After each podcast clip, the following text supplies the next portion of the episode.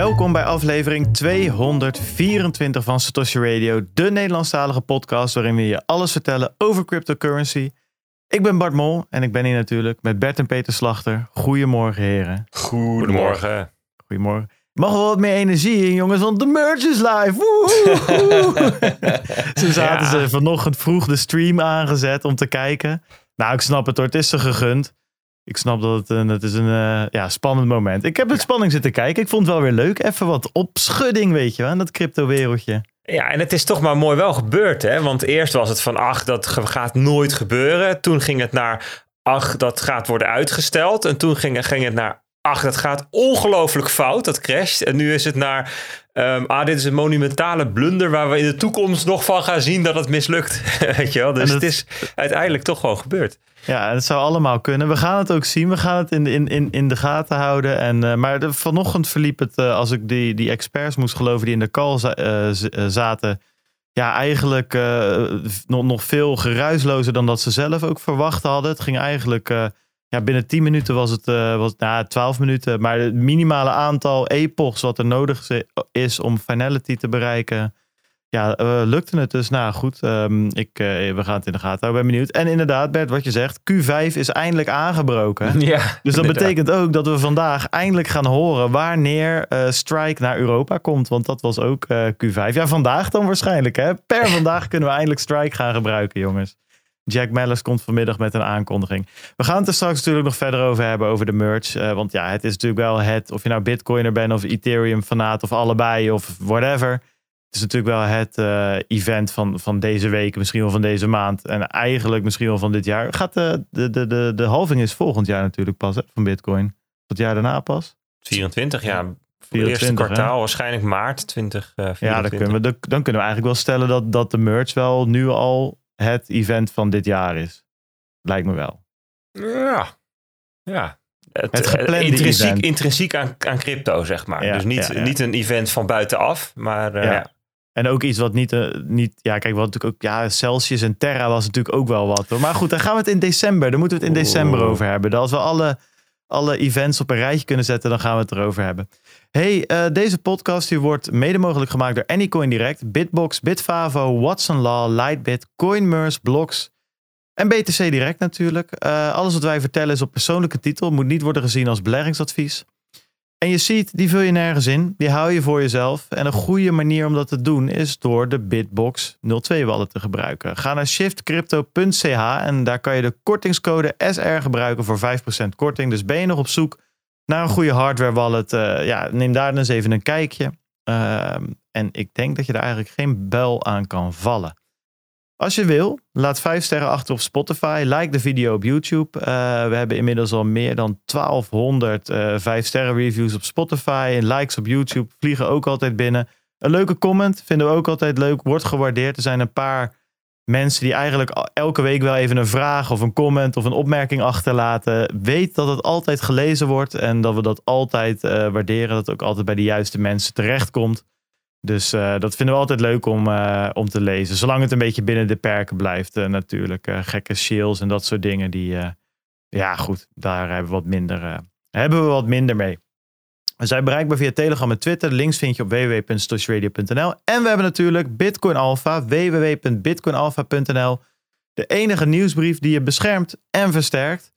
Ja, dat gaat in de bear market ook nog steeds gewoon door. Elke week weer een eh, nieuwsbrief. We zijn met allemaal leuke dingen ook bezig daar. Daar hoor je eh, waarschijnlijk later nog wel meer over. Maar eh, ja, eigenlijk wordt het, gaat het alleen maar beter worden. Daar ben ik van overtuigd. Dus zorg dat je aangehaakt bent. Probeer het eens een maandje en dan, eh, dan wil je eigenlijk eh, niet, eh, niet anders meer. hey, weet je wat leuk is, Bert? Ik zei dat jou van de week nog even. Ehm, dat in een van, een van de, de, de, zeg maar de verhalen die jij wel eens vertelt als je ergens moet spreken of als je bij Amdax heb je wel eens dat je de, ja, de, wat is het, de maandelijkse presentatie, zeg maar, die eigenlijk een soort van Een soort live show van klanten. een live show voor klanten, inderdaad. Ja. ja, en je hebt ook in Satoshi Radio wel vaker gezegd van... er zijn allemaal metrics hoe je naar de markt kan kijken. Je hebt on-chain analyse, je hebt de prijs... en je hebt allemaal TA-achtige dingen. Maar je kan bijvoorbeeld ook kijken naar eh, retweets van bekende eh, eh, twitteraars. Of je kan kijken naar het aantal volgers. Of je kan kijken naar het aantal podcast downloads. En toen hebben we ook wel eens gezegd van nou die zien we nu ook wat omlaag gaan. in, de, in de bear market. Toen ben ik nog eens goed gaan kijken. Ja, we hebben een maandje of twee Ja. gehad waar er We- e- enorme pieken waren. Ja, We hebben, het er heel, we hebben het er eh, toen ook over gehad toen we die Bearmarkt uitzending maakten. En toen zei hij, ja, maar dit is wel de meest gedownloade eh, uitzending ooit in de eerste dag of zo.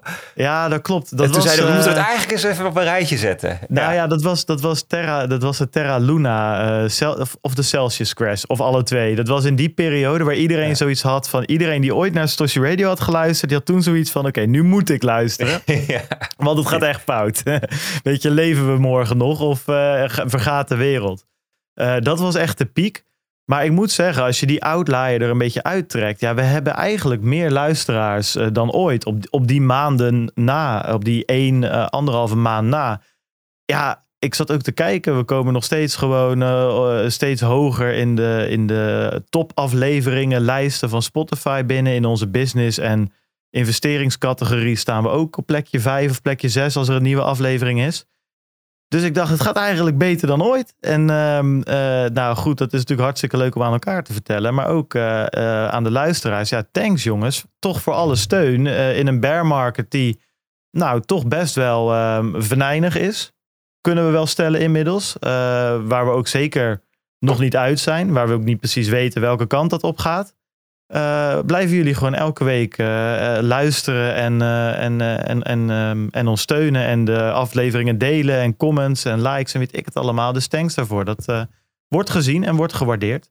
Maar goed, dus die, misschien moeten we aan dat verhaal toch een beetje sleutelen, Bert. Dat we toch zien dat wij toch, toch, toch meer anti-fragile zijn dan we dachten eigenlijk. Hè, Ja, zo wat je- te zeggen. Wat je met dit soort dingen eigenlijk zou willen, is dat je datareeksen van podcast downloads en ehm ehm, alpha-abonnees en weet ik veel wat voor soort, hè, maar dan, het liefst niet alleen maar van ons, maar van allerlei eh, communities en weet je wel, dan zou je eigenlijk, zou, die, die datareeks zou je eigenlijk ook publiek willen hebben. Net zoals dat je ook naar de, naar de, de koersen en de, de, de, de volumes op exchanges en weet je, dan kun je natuurlijk allemaal, kun je, kun je er lijntjes van plotten en jaar op jaar verschillen van, en dan kun je er, dan kun je er inderdaad kun je ze verwerken in je analyse. Want ik geloof eh, oprecht wel, hè, dat is via de gedachtenlijn dat de, de adoptie van technologie verloopt rommelig. Hè. Er komt ineens een groep mensen bij en dan is het even stil. En dat heeft te maken met euforie en hype en de andere dan teleurstelling, weet je wel, die cyclus.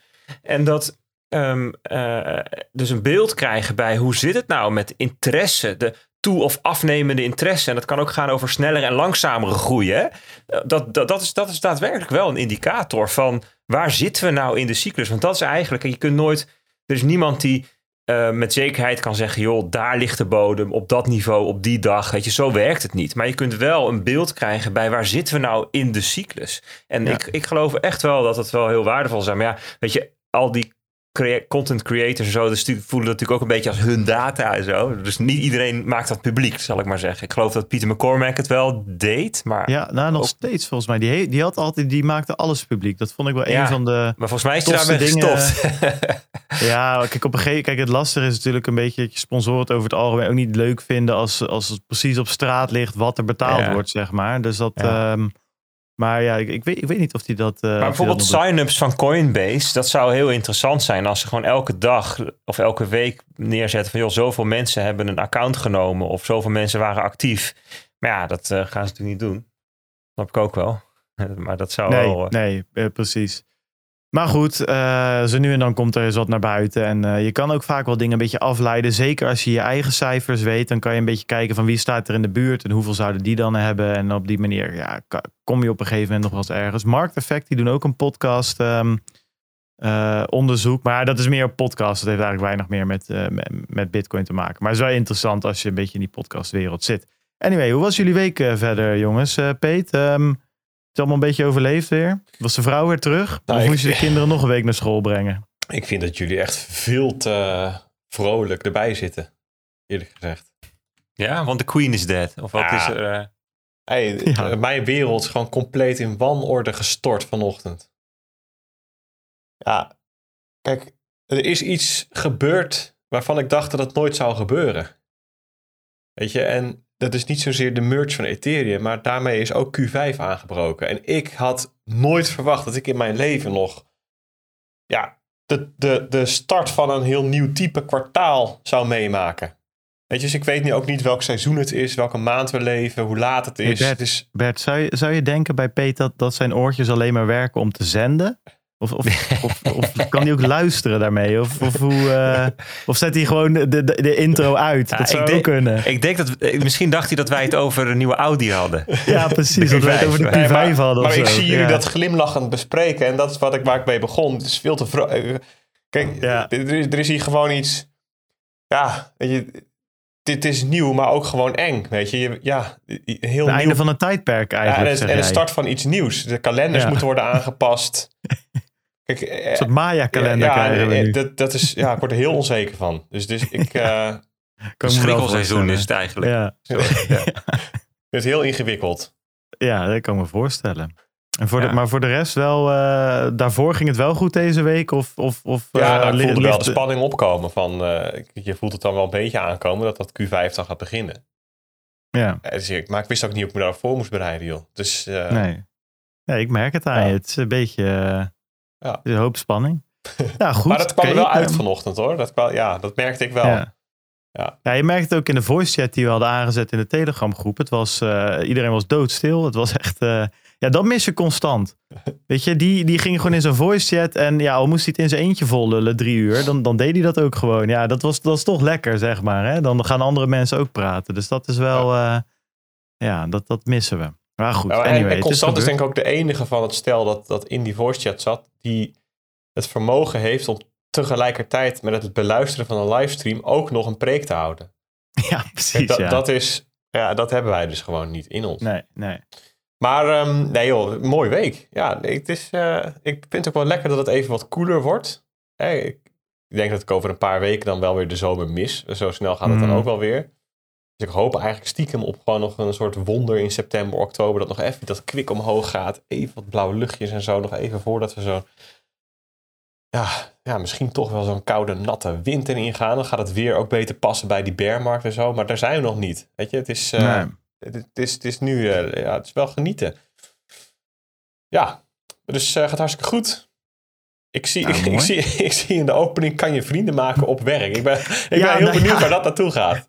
Nou ja, daar heb ik over nagedacht deze week. Nee, ik zag een, ehm, een tweet van... hoe, maar ehm, maar hoe, hoe, hoe is dit? Wa- waarom is Ja, dat ik überhaupt ben- een vraag? Nou, eh, omdat ik. Nou, dat zal ik het uitleggen. Ik, ik zag dus een, ehm, eh, een, een tweet van eh, Pieter Levels, heet hij. Dat is een Nederlander, maar die woont overal ter wereld. Een digital nomad. En daar heeft hij ook een site voor opgericht, Nomad List, die eigenlijk nu gebruikt wordt door alle digital nomads om te kijken waar je dus eh, heen moet ter wereld. Als je er.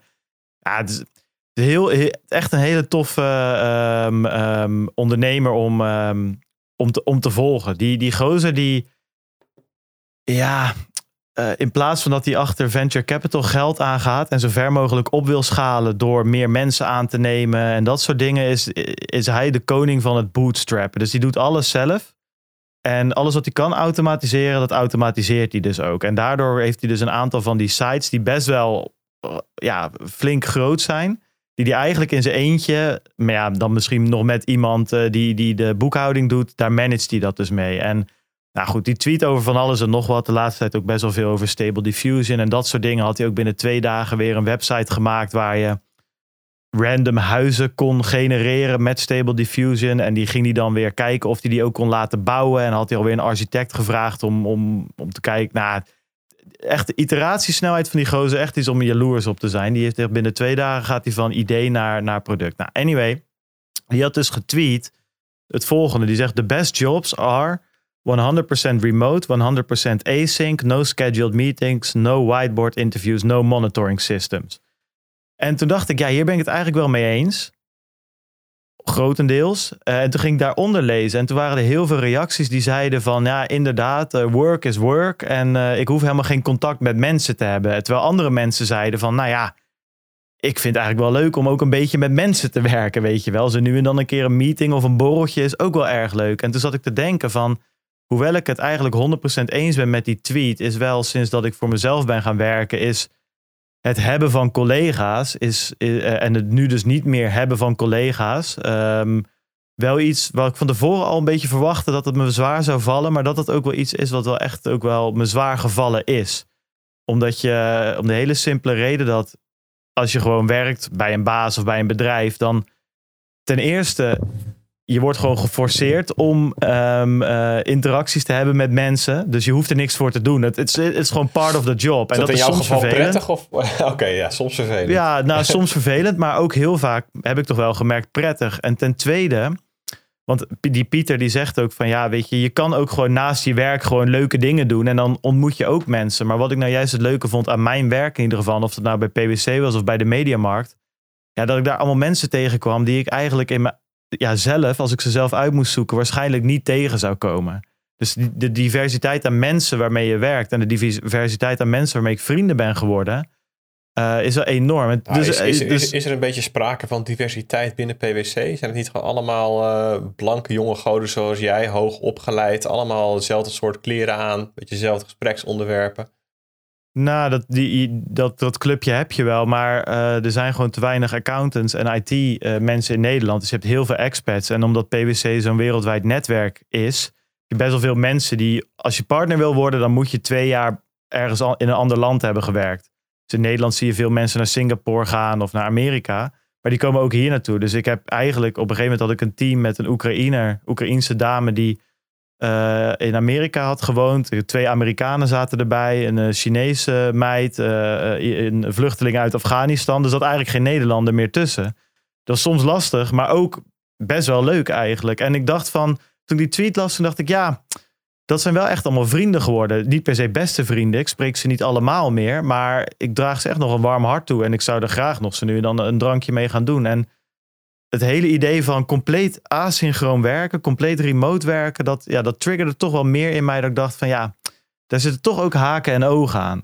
Uh, als je de hele dag maar in je eentje achter je computertje zit en alleen maar zelfvoorzienend bent, zeg maar. Uh, en het kost best wel moeite om die interacties die je normaal gratis bij je werkzaamheden krijgt, of bij je, bij je loonverband, zeg maar, je dienstverband, om die zelf op te zoeken. En uh, ja, dat, dat is iets waar ik nu aan, aan, aan werk, zeg maar. En dat is iets wat, wat me deze week een beetje bezig heeft gehouden. Een beetje over nagedacht. En? Dus vandaar. Hoe, hoe werk je daaraan dan? Nou, door vaker met mensen af te spreken. Maar daar moet je wel moeite voor doen. Dan moet je wel zeggen van, heb je zin om een dagje bij mij te komen werken? Of zal ik een dagje naar jou toe komen? Of uh, weet je wel... Um, ik denk dat jullie daar, daar ook wat verder in zijn. Jullie is best wel vaak on the road om even ergens een gesprekje te doen. Of even ergens een drankje. Of uh, even met mensen te praten. Um, ja, dat, dat is leuk voor je netwerk. En, en, en dat is leuk gewoon voor werk aan zich. Maar ook gewoon voor jezelf heb ik gemerkt. Het is toch leuk om mensen te spreken en uh, te leren kennen. En ook gewoon samen aan iets te werken. Dus uh, nou goed, dat, dat, dat kwam deze week terug. Um, dat is de korte samenvatting ervan. Althans, eigenlijk, dat is gewoon het hele verhaal. ja, ja, ja dat is wel, ook wel eens mooi. Gewoon, hè, dit, dit is een podcast waarin als je de samenvatting hoort, je ook gewoon het hele verhaal hebt gehad. Ja, dus, ja, ja. We, we, doen niet aan uh, executive summaries. Het is gewoon, bam. Het, uh, Nee, maar ja, kan je vrienden maken op werk? Ja, ik weet, ik vind jullie vrienden. Jullie zijn eigenlijk mijn collega's. Wijnand was ook een uh, collega en werd daarna een van mijn beste maten. Ja, eigenlijk zijn heel veel mensen die, die nu mijn beste vrienden zijn. En die, mijn vriendin heb ik op werk uh, ontmoet, moet je voorstellen. Um, dus dat. Hey, wat ook nog leuk was, even een tipje, gewoon even leuk. Ik kon hem nergens anders kwijt. Van de week was er een tegenlicht aflevering over ASML. ook de moeite waard hoor, om eventjes te bekijken. Is toch wel, um, ja, we hebben het al vaak over ASML gehad, maar het is toch wel erg interessant om ja, een kijkje in de keuken te krijgen. En het is ook wel mooi om een paar van die Brabantse, Brabantse boeren zo'n machine van 200 miljard in elkaar te zien schroeven. Dat zit zo'n fragment in, dan staan ze daar een beetje tegen elkaar met zo'n laptop van... Hebben we de kaart, de, de bouwtekening nu ondersteboven of niet? En dan zie je zo ook die laptop elke keer draaien. Dan, gaat het om een machine die het meest geavanceerd is. Eigenlijk meest de peak of humanity's... Uh, ja, wat is het? Technologische ja. vooruitgang. Nou, anyway. Het was leuk om uh, te kijken. Het duurt een uurtje en het uh, kijkt lekker weg. Het is leuk om te zien. niet normaal. Dat is echt... Um, ja, hoe ver kunnen die nog groeien, zou je zeggen. Op een gegeven moment is heel Brabant ASML zo ongeveer. Die hebben echt een enorme, eh, enorme campus. Nou, we waren pas deze week waren we toevallig, nou niet toevallig, wel toevallig in de zin van dat we in Brabant waren, in Tilburg. En daar zag ik weinig ASML hoor. Ja, ja ik weet niet. Waar, waar zaten ze nou? ASML zit in... ehm eh, Zou dat niet gewoon in Limburg eigenlijk? Nee, nee, nee. Oh. Nee, het is wel high zijn dus ze sponsoren PSV en zo. En eh Oh, bij Eindhoven Hightech. Campus, ja, het is bij Eindhoven in de buurt. Maar het had een, het was Veldhoven was het. Ja, Ja, daar zitten Oh, ja. ze. Ik reed laatst eh, langs een, ehm, eh, langs een, eh, ja, ook, ook zo'n zo'n zo'n omheind eh, eh, industrieterrein. Zag er heel vreemd uit. Ik dacht, wat is dit nou joh? Ging ik opzoeken. Bleek het een of ander enorm datacentrum van Microsoft te zijn. Dat zit ergens eh, in het noorden van het land. Want ik kwam er langs toen we terugkwamen van, ehm Terschelling. van Terschelling. Ja, klopt ja. En dat is ook wel geinig hoor. Dat, dat is ook, ja, dat hebben ze ook hun best op gedaan om dat zo min mogelijk op iets te laten lijken of zo. En daardoor trok het ook wel weer de aandacht. Dat je dacht van, nou, dit ziet er zo niet belangrijk uit. Maar waarvoor staat er dan een enorme hek omheen? Ja, dat je toch denkt, ja, en dat zijn is volgens mij wel belangrijk. gewoon grote panden met eh, zwaar bewaakte ele- maar, met elementen eromheen, waardoor je ziet van dit wordt zwaar bewaakt. Camera's, grote hekken, Ja, prikkeldraad. Ja, het is naast de A7. Het is de Microsoft de AMS 06 heet het ook. Ja, het is, het is nou, anyways, vond ik ook vond ik geinig. Hey, Bitcoin Amsterdam, Bart. Dat- Ja, gaan we het even over hebben. Eh, de timetable is live, eh, jongens. We hadden het er vorige week over. Van zouden we misschien volgende week een eh, voorproefje kunnen geven van de workshops en alles wat er te doen is? Nou, dat kan. Want ja, het is officieel, het is niet eens een voorproefje. Het staat gewoon op de website. Als je naar b.tc slash conference gaat en dan op Amsterdam klikt en dan op agenda, dan krijg je het te zien. Ja, en ik moet zeggen, Maar hij, hij is nog niet definitief, hè? Dat is wel belangrijk om erbij te zeggen. Er zijn nog allerlei talks die er ook nog bij gaan komen. Ja, sure, inderdaad. Dus, eh, maar dit geeft wel een, een idee van wat er. Ja. Wat hierop staat, gaat wel gebeuren. Dat is voor Ja, mij wel een ja. beetje het, eh, het idee. Ja, we hadden natuurlijk. En dat is maar. Ja, ik moet zeggen, ik, ik, ik had een rollercoaster van emoties eh, deze week. Als het gaat om Bitcoin Amsterdam. Ik begon heel enthousiast. Want dat was mijn, de staat waarin ik begon. Omdat we zijn volop bezig om alles te regelen. Gaat super gaaf worden. Eh, toen werd opeens Nigel Farage aangekondigd. Had ik zoiets van, nou, ik weet niet wat die met Bitcoin te maken heeft. En daarnaast persoonlijk heb ik ook eh, vrij weinig met de beste man. Sterker nog, ik zou eerder een negatieve, negatief gevoel roept het bij me op dan een neutraal slash positief gevoel. Maar goed. Hmm. Eh, maar goed, daar heb ik het ook even met Sebas over gehad. Dat hoor je straks als we even bellen met, met eh, Sebastian van Erne, de, de, ja, een van de organis- organisatoren van dit hele event. Dus had ik even een dipje. En op Twitter werd hij ook niet echt goed ontvangen. Ik denk, ja, nou, daar gaan we, weet je wel. Komt er straks geen hond naar dat eh, event of zo? Dat was toch een hoop negativiteit. Ehm, en toen kwam die agenda online en toen zat ik daar doorheen te scrollen. En toen zag ik een aantal dingen waarvan ik ook nog niet wist dat ze zouden komen. Toen dacht ik, ja, dit is toch wel heel tof. Ze hebben toch wel een aantal hele leuke dingen op poten gezet. Eh, en toen was mijn enthousiasme toch weer terug. Ehm, dus eh, nou, dat was mijn eh, rollercoaster deze week. Zullen we door de workshops heen lopen? Want de speakers hebben we vorige week een beetje gedaan. Prima. Ehm, ja, toch? Dan pa- pakken we die er even bij. Je kan het namelijk heel mooi filteren. Dat is echt eh, heel nice gedaan. Dat werkt top. Dat kon in die app wat minder. Hè? Bert in Miami, dat was allemaal ehm, wat lastiger. Even kijken hoor. Ik zag een aantal dingen die ik heel erg tof vond. Ehm, een proof of workshop van, eh, van Root, Rational Root. Eh, de on-chain eh, analyse. Dat is een Nederlander, hè, geloof ik. Hij zit ook in de CryptoCast natuurlijk. Een tijdje terug met jou erbij, Bert. Analyzing the Bitcoin markets. Even een kwartiertje on-chain analyse. Nou, leuk, weet je. Daarna ben ik het ook meestal wel weer zat. Dus dat was voor mij precies goed. Maar dat eerste kwartier vind ik het over het algemeen erg interessant. Ik zie hier een Lightning Starters Guide zonder naam erbij. Nou, als het goed is, mag ik dat gaan doen. Ehm moeten we nog even kijken. Het is een kwartiertje. Ik had gerekend op, iets, iets meer. Dus we moeten even kijken. Maar goed, we gaan we leuke dingen vertellen over eigenlijk het, het, het Lightning ecosysteem. Wat is er nu? Welke wallets heb je? Welke node software heb je? Eh, nou goed, eh, welke mempool explorers? Welke Lightning explorers? eh, dat soort dingen. Wat, wat kan je nou allemaal precies op dit moment? Als je gewoon op die beurs al iets met Lightning wil. Ben Ark, Super interessant. Die gaat iets over Ellen Bits en LNURL zeggen. Een uur lang. Nou, daar zit ik vooraan. Uh, als ik zelf op dat moment niks, niks, uh, geen andere verplichtingen heb. Rings of Fire. Edward en Stef gaan uh, direct daarna wat vertellen over de Rings of Fire. Um, even kijken hoor. Ja, dit is ook tof. Ledger gaat wat vertellen over het um, aansluiten van je eigen node aan je, um, aan je hardware wallet. dus dat je je eigen transacties kan, kan verzenden. En nou, dat is ja, ook, ook vet. Ik vond de, dit, oh, dit is 1 uur en 5 minuten. Ik dacht dat dat 5 minuten was. Stond Building Bitcoin Data Applications with uh, Postgres. Uh, oh ja, hoe, hoe, spreek je dat uit? PostgreSQL, ja. Pro, pro, ja, PostgreSQL. Ik dacht dat dat 5 minuten was. Ik denk, nou, dat, dat, ik ben benieuwd hoe je dat gaat doen. Maar het is 1 uur en 5 minuten. Uh, dan zie ik ook nog uh, Noddle, How to Set Up Your Node. Vet. BTCP server, 1 uur lang. Ook vet. Er zijn echt wel een paar hele toffe, toffe workshops tussen. En er komt nog wel wat bij, denk ik. Want ik zie die tweede dag is nog niet helemaal gevuld. Dus um, ja, gaat heel tof worden. Um, voor de rest, ja, je, je, kan, je kan er helemaal doorheen klikken.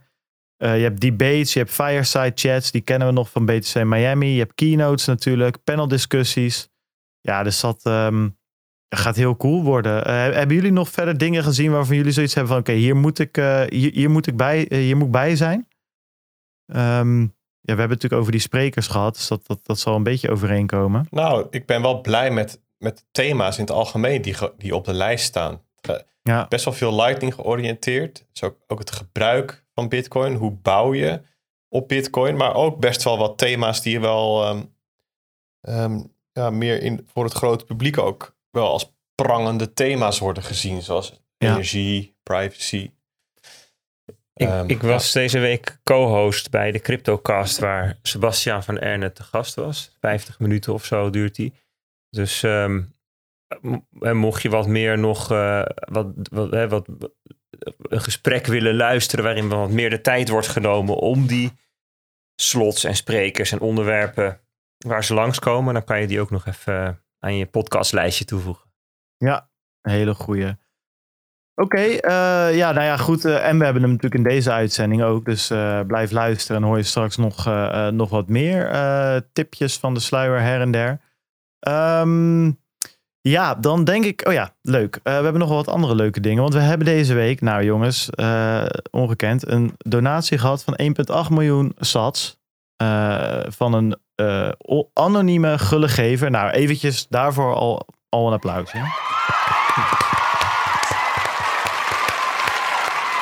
Maar, maar, maar, maar, uh, die zijn niet voor ons, helaas. Wij mogen er geen biertjes Jawel, van kopen. Ze wel voor ons. Maar we hebben er een specifieke instructie bij gekregen. Ja, precies. Dus we moeten er iets. Dit is een beetje wat Jan ook altijd doet. Jan die had op een gegeven moment ook de grootste uh, grootste donatie ooit. Maar het moest wel in zijn eigen toko uitgegeven worden. Nou, ah, dat ja, hebben we uiteindelijk uh, gedaan een jaar maar later. We, maar we dus delen dat, wel uh, in de blijdschap van het weggeven van een tof cadeau. Nou, zo is het hoor. Dus alle gekheid op een stokje. We mogen dus van die 1,8 miljoen sats een kaartje voor Bitcoin Amsterdam weggeven. Althans, wat ik ga doen is ik stuur die sats door. En dan mag diegene daar zelf een kaartje van, van kopen. Dat is het makkelijkst. We hebben daar een tweet voor gestuurd op het Satoshi Radio account.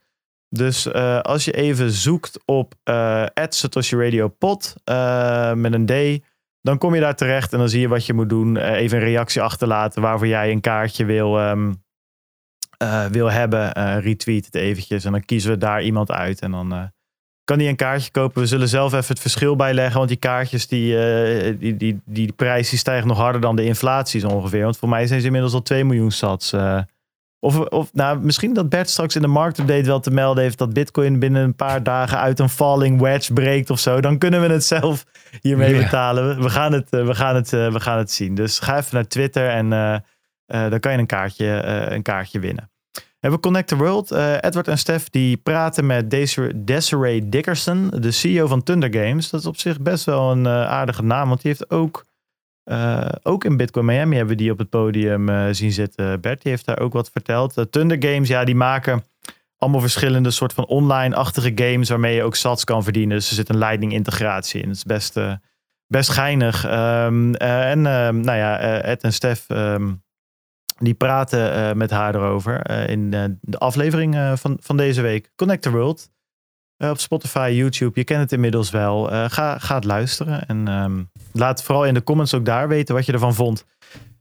Oké, dan hebben we dat allemaal gehad. Eh Bert, er gebeurde deze week toch wel weer wat. Ehm, wat. Ja, goed, je moet zelf natuurlijk maar kijken waar je het over wil hebben. Maar deze stond volgens mij wel ehm, op de lijst. En dan moet je maar eens even uitleggen hoe dat zat. Ik zag een aantal tweets langskomen waar op het ja, percentagepunt nauwkeurig stond van oké, als de inflatie hier tussen zit, dan is het bearish. En als het hier tussen zit, is het bullish. En als het hier tussen zit, dan is het een klein beetje bearish. Nou, ik had zoiets van oké, hoe, hoe, hoe weten mensen dit? Hoe weet de markt dit? Ik, ik denk dat jij dat ook langs hebt zien komen, dus misschien kan je er wat over vertellen. Maar doe je verhaal en dan komt het waarschijnlijk ergens wel, eh, wel terug. Ja, nou, het is wel leuk om daar dan even mee te starten. Je hebt het over de consumentenprijsinflatie in eh, de Verenigde Staten, waar de cijfers deze week ehm, van gepubliceerd werden, denk ik. Hè? Daar, eh, daar zag je dat, denk ik, van langskomen. En het punt is, dat zie je namelijk van ongeveer elk, elk cijfer wat gepubliceerd gaat worden, zie je dit soort dingen. En vaak zie je ze dan. eh, eh, dit, dit is natuurlijk een hele belangrijke, hè? Die, die, die inflatie, dus we zo even hebben over waarom. Ehm, dus dan, zou, dan zie je wat mensen die dat van tevoren doen. Vaak zie je het ook achteraf. Dat er dan de cijfers worden gepubliceerd. En dan staat er zoiets als: de vorige was zoveel. Verwacht was dit. En gerealiseerd of feitelijk was dat. Dus die drie, je ziet vaak drie cijfers langskomen. En waar je het nu over hebt, dat is verwacht. Dus wat, wat, wat, wat wordt er nou verwacht door de markt? En dat, zijn, dat is vaak op basis van surveys. Dus dan gaan ze naar allerlei economen of handelaars of eh, experts in een bepaald thema. En dan vragen ze, joh, wat denk jij dat in dit geval dan de, de inflatie gaat doen? En ehm, eh, dat trekken ze dan vaak nog uit, uit elkaar in een aantal categorieën in het geval van de inflatie. Namelijk de, inflatie zelf en de kerninflatie, hè, de core inflation. Die, en daar zag je dan die voorspellingen van. En ehm, ja, dus als je, je, hebt, je hebt ook wel van die mensen die hebben dan van die kalenders. Hè? Dan, dan, ehm, eh, dan, dan staat dan ook altijd op wat er dan voorspeld was.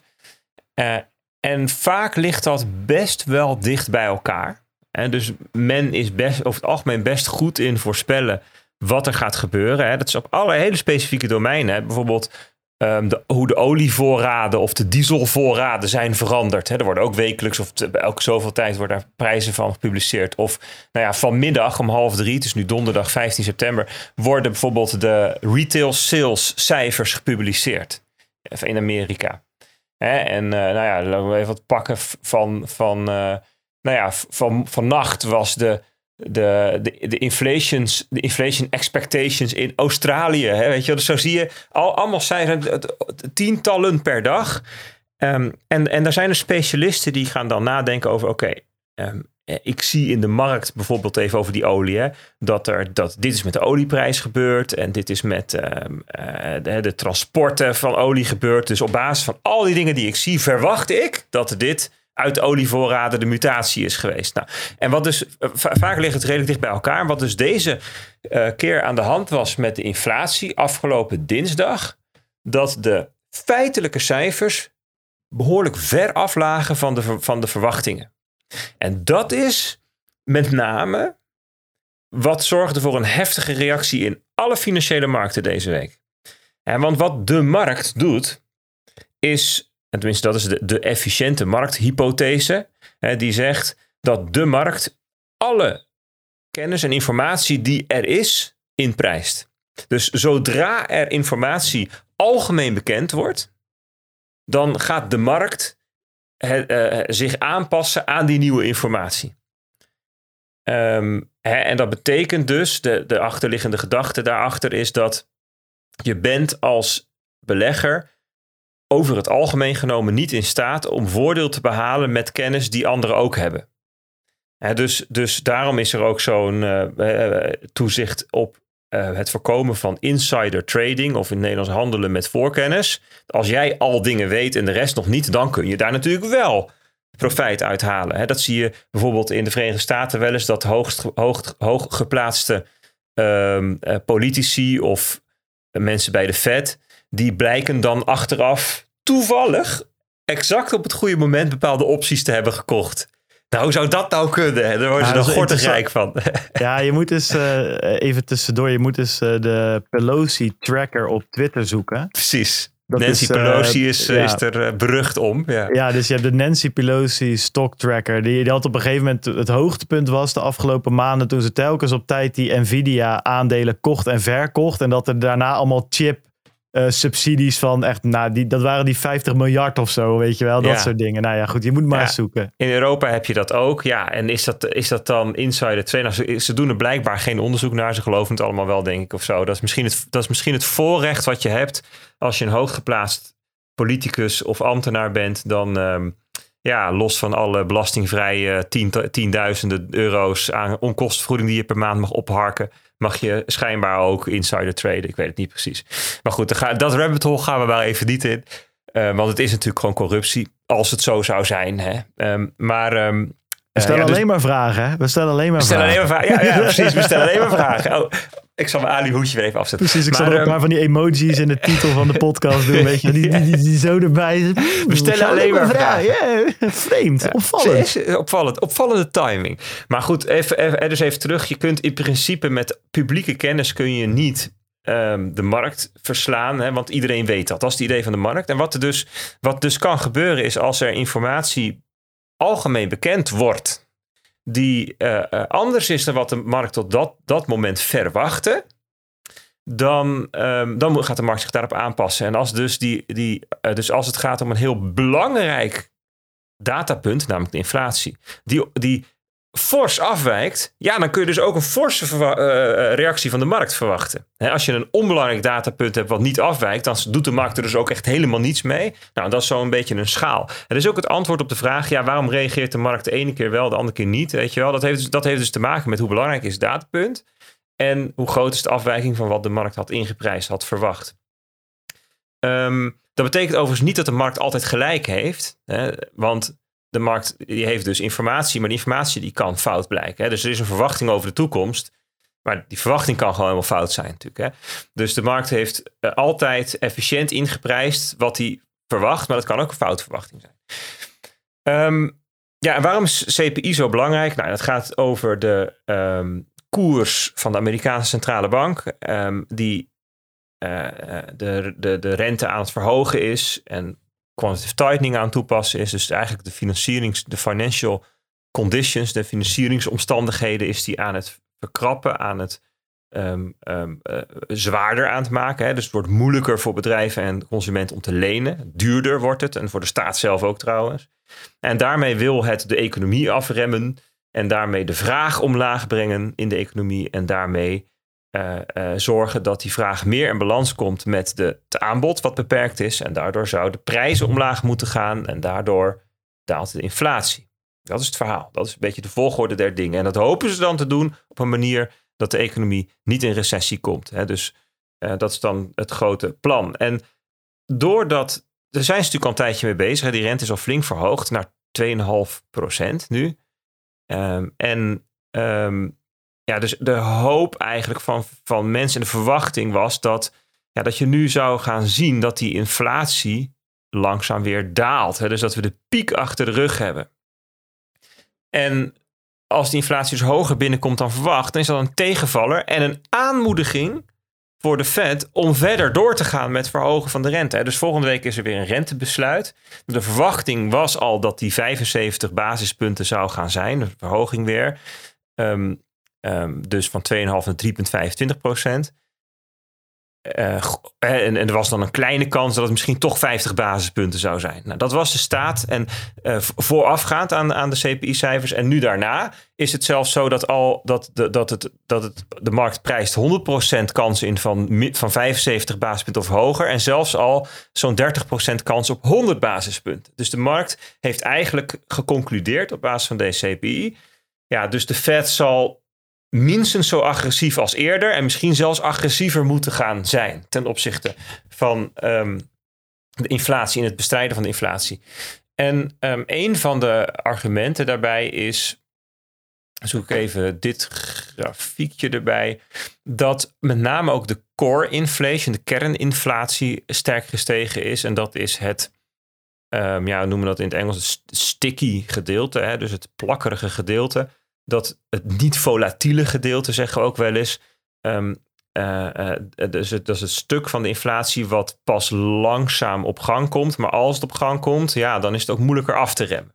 Dus wat, wat, wat je wel eens meemaakt, is dat de inflatie ineens stijgt. Maar dat is dan vanwege een volatiel aandeel, bijvoorbeeld brandstoffen of voedsel. Omdat er ergens een crisisje is, die ook weer heel snel opgelost wordt.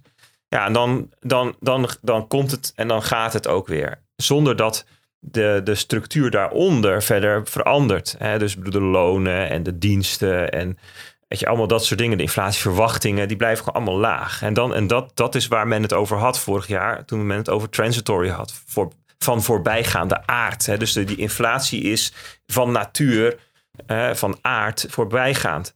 Dus het gaat wel weer weg. En we zien nu, ehm, en dat zie je eigenlijk al sinds na zomer, september vorig jaar oplopen. Dat de kerninflatie, dus de diensten en zo ook aan het oplopen zijn. Ja, en dat is, een, en dat is iets ehm, vervelenders. En het, laatste component die oploopt is eh, huisvesting. Shelter noemen ze dat in de VS. Er zit dus een stukje rent in, huur en zo. Ja, die is echt lagging. Hè. Die komt echt pas, geloof, een maand of 12 of 15 of zo later werkt dat door in de inflatie. Nou ja, goed, dus, dus allemaal dit soort dingen zit men dan naar te kijken. En dan concludeert men van oké, nou ja, goed. Dat betekent dus dat, dat Fed waarschijnlijk steviger of langer zal verhogen of langer hoog zal houden. Allemaal dat soort dingen. En dat betekent dat, um, nou ja, bijvoorbeeld de rente van obligaties stijgt. En dat dus de waarde van obligaties verder daalt. Dat betekent dat de dollar sterker wordt. En want dat is ook zo'n beweging in financiële markten. Hè, als de rente ergens hoger is dan ergens anders, dan wordt die munt dus meer waard. Want als je spaart in dollars, krijg je daar meer rente op dan als je spaart in euro's. En dat verschil tussen rente in twee valutagebieden, tussen twee valuta, dat verschil, dat is te arbitreren naar waardeverlies van de ene munt ten opzichte van de andere. Hè, dus dus als, als je in, in, in dollars 5% rente krijgt en euro's 0%, ja, dan kan je gewoon dollars kopen die 5% rente op, uh, uh, opdwijlen, de, pakken. En daarna weer terug wisselen naar euro's. En dat is dus te arbitreren naar een 5% waardeverlies van de euro over die tijd. En dus, dus, dus de dollar die werd meteen meer waard. Nou, als de dollar meer waard wordt, worden commodities, olie, goud en zilver, bitcoin, maybe, minder waard. Um, als de rente stijgt, dan worden toekomstige waarden van aandelen lager. En je ziet aandelen dalen. Dus, dus je, ziet eigenlijk een, een, soort van. Ja, het zijn eigenlijk, ik wilde zeggen een domino. Maar het zijn meer. Je trekt, aan één touwtje. En dan gaan er op allerlei plekken gaan er die komende dingen in beweging. Nou, dat zag je. Zag je ook wel op Twitter screenshotjes van langskomen. Die mensen. Dus allemaal grafiekjes onder elkaar. Die op één punt. Allemaal gingen bewegen een kant op. Nou ja, lagere aandelen volgens mij de slechtste dag voor de S&P 500 sinds ergens in 2020. 5% of ja, zoiets, die orde grootte. Omlaag. Bitcoin Slechtste dag voor Apple ook, zag ik. Ja, dat is natuurlijk... Voor Apple, uh, ja, ja. Apple ja. is een onwijs groot component. Hè, een heel groot aandeel. Dus dat zou, ja, zou goed kunnen. Dat zou misschien 100, ook... Uh, 100 miljard aan beurswaarde of zo uh, in één dag... Um... Ja, dat vinden mensen dan altijd van, ah, oh, dus, er is, uh, ja, het is 2 biljoen aan waarde ja, weg, maar dat is natuurlijk allemaal ongerealiseerd. Hè? Dus, dus, dat is waar, maar, ben ik met je eens. Ben ik maar maar eens. Het, zijn, het, zijn grote het zijn grote bewegingen. Overigens is dit wel weer, en dan zou je een Fed official als Neil Kashkari kunnen invliegen, die dan zegt, ja, we're happy hè, met de marktbewegingen, want dit is wel wat men wil. Hè. O, wat men ook wil, onderdeel van het verhaal, is dat als de waarde van portefeuilles daalt, um, dan voelen mensen zich armer. Hè? En dat noemen ze dan een reverse wealth effect. Een omgekeerd, ja, wat zou dat in het Nederlands zijn? Vermogenseffect of zo, dat je, nou ja, dat je je rijk voelt. En dus als mensen zich armer voelen, gaan ze misschien minder uitgeven. Minder consumeren, minder besteden. En dat zorgt weer dat de inflatie omlaag komt. Dus het is ook deels ook gewoon wenselijk. Maar we zagen dus aandelen echt wel hard dalen. Een procent of 5 voor de S&P 500 is enorm. En dat bitcoin dan maar, maar 10% daalde op die dag. Dat is eigenlijk heel uh, beperkt. Het viel, ik bedoel, die verhouding was eerder soms wel keer 4. Hè? Dus als je dan 4% zag in een aandeel, dan in, de grootste index ter wereld, hè, dan ging bitcoin soms wel 15% of zo omlaag. Dus dat viel erg mee. Um, Rentesprong omhoog, goud en zilver echt, vooral goud heel erg omlaag. De dollar weer uh, gestijgen en de euro dus weer onder de parity, hè, dus, dus 0,99. Ja, dat was deze week. Dus de markten in beroering. En eh, voor, voor Bitcoin viel het dus op zichzelf eigenlijk nog wel weer mee. Ja, we hebben deze week natuurlijk ook wel gekeken naar, de, naar Ethereum, hè, omdat ehm, de merge ging plaatsvinden. Nou, dat was dan vanmorgen. Wat gaat dat doen? Gaan mensen dan last minute hun ether dumpen omdat ze eh, bijvoorbeeld ehm, de, de, de merge getrade hebben? Hè? Dus dan denk je van, nou ja, ik ga in aanloop naar de merge ga ik ether bezitten en dan als het bijna is verkoop ik het, want dan profiteer ik van de waardestijging uh, die, die komt uit de hype. Dat zou kunnen, hè? dus dan, dan, dan doe je buy the rumor, sell the news, hè? noemen ze dat dan. Of mensen die zeggen van ik vind het een beetje spannend omdat het mis kan gaan. Dus ik verkoop nu, ik koop wel weer terug daarna. Dat zou kunnen. Um, dus dus dat, daar gingen we naar kijken. Maar eigenlijk viel dat mij heel erg mee. Hè. Er is dus best ja. weinig verkocht de afgelopen week. Um, Ether staat nog steeds rond de 0,08 BTC. En dat is... Moeten we wel even meteen erbij zeggen. Op het moment dat we het opnemen zitten we vers van de pers, om het zo maar te zeggen. Die merch die is, uh, nou laten we zeggen, pak een beetje twee uur geleden uh, gecomplete. Uh, gebeurd, gedaan, uitgevoerd, hoe je het wil noemen. Um, dus ja, goed, dat moeten we natuurlijk wel in de gaten ga gaan houden. Ik bedoel, het lijkt erop dat het goed is gegaan, maar even een slag om de arm bij dit soort dingen. Dat je toch ook wel de eerste dag, de eerste week, de eerste maand eigenlijk wil bekijken.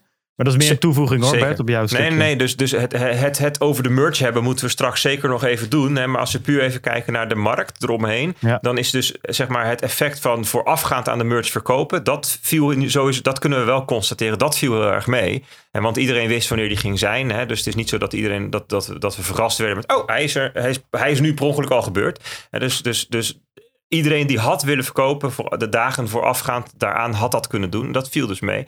Nu zou je dus nog daarna dat kunnen meemaken, mensen daarna nog verkopen. Dat kan dan te maken hebben bijvoorbeeld met mensen die graag ether wilden bezitten um, tijdens de merge, om dan te profiteren van de. Het is namelijk een soort fork. Hè? Net zoals het bij, de, bij Bitcoin kreeg je Bitcoin, Bitcoin Cash. Dat is een soort airdrop zou je kunnen zeggen. Ineens had je ja. ze allebei. Dus het zou, dat zou kunnen dat mensen de, de, de, de, het idee hadden van nou, als ik hem nou bezit tijdens de merge, die, die ether, dan heb ik ze daarna allebei. De, de ETH POW en de ja. gewone ETH. Dus er zijn allerlei strategieën mogelijk van mensen die iets kunnen doen met de prijs. Je ziet ook wel dat er behoorlijk wat meer volatiliteit is dan, laten we zeggen, gisteren. Dus er, gaat, gebeurt wel echt wat op die markt. Maar um, ja, vooralsnog geen hele heftige dingen. En dat is wel relevant, want het zou ook wel invloed kunnen hebben op de rest van de cryptomarkt en Bitcoin. Omdat je natuurlijk toch ook wel uh, mensen posities hebben met, op de verhouding bijvoorbeeld met Bitcoin en zo. Dus, dus ja, vooralsnog is dat ook redelijk rustig. Ja, wat is er verder nog te melden? Ik heb nog een aantal kleine dingetjes die wel aardig zijn. Gewoon wat datapuntjes. De Bitcoin hash rate zit op, weer op een all-time high. En dat is toch Hadden wel wij die niet, uh, bijzonder. twee weken ook al, twee weken geleden ook nog eventjes kort um, erin staan in ieder geval. Maar dus is weer hoger eigenlijk. Ja, ja, ja, dus we hadden eigenlijk even, als je even het, de, de grafiek van de afgelopen twee jaar erbij pakt, dan zie je dat die gewoon zeg maar, rustig stijgt tijdens de boelmarkt tot nou ja, juni 2021 of zo. Toen kregen we die mining ban in China. Daar hebben we toen natuurlijk uitgebreid over gehad hoe dat dan ging. En die, toen is de hash rate zo'n beetje gehalveerd. En dus uh, echt een diepe uh, kloof. En daarna ging het weer rustig stijgen. En je ziet eigenlijk begin 2022 dat die um, hash rate weer een all-time high neerzet. Dus eigenlijk al het verlies van die, die mining ban in China is dan gecompenseerd. Ja, dan zie je dus een, uh, ja, elke maand of zo wel een all-time high. Tot april 2022. En dan daarna um, uh, is het even wat constant. En nu zit hij er dus weer boven. En dus we hebben nu eigenlijk weer het hoogste punt. En dat is op zich wel opvallend. In de zin dat de, um, de, de, de, de winstgevendheid van miners staat natuurlijk wel onder druk. Om twee redenen. Enerzijds omdat de bitcoin koers lager is. Dus de bitcoins die je mindt, die zijn minder waard. En anderzijds omdat de, de elektriciteit of de stroom of whatever voor soort brandstof je gebruikt, waarschijnlijk duurder is geworden.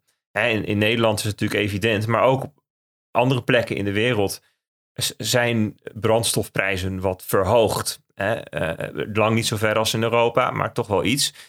Dus ja, dat is wel, uh, dat is wel een soort squeeze. Ja, en een verklaring ervoor die ik dan lees is dat jij de, de, de het online komen van rekenkracht, dat duurt gewoon een tijd. Hè? Dus tussen het moment dat je beslist te gaan investeren en het moment dat die rekenkracht het netwerk raakt, zit, soms, zit gewoon half jaar tot een jaar. Weet je, je moet spul bestellen, je moet uh, um, uh, ruimte huren of bouwen, je moet mensen aannemen enzovoort. Dus het, ja, zeker met die uh, wachttijden en die chiptekorten van het afgelopen jaar. Ik bedoel, we hebben natuurlijk in die ja. bullmarket gelezen dat iedereen voor miljoenen aan, uh, aan, aan, aan apparatuur kocht. Ja, die worden nu allemaal geleverd. Ja, moet ja, je ze dan een beetje stof laten happen inderdaad? Ja. ja, dus het is heel realistisch ook dat de wachtlijsten op die miningapparatuur dus op een gegeven moment ook weer helemaal afnemen. Hè? Teruggaan naar heel kort.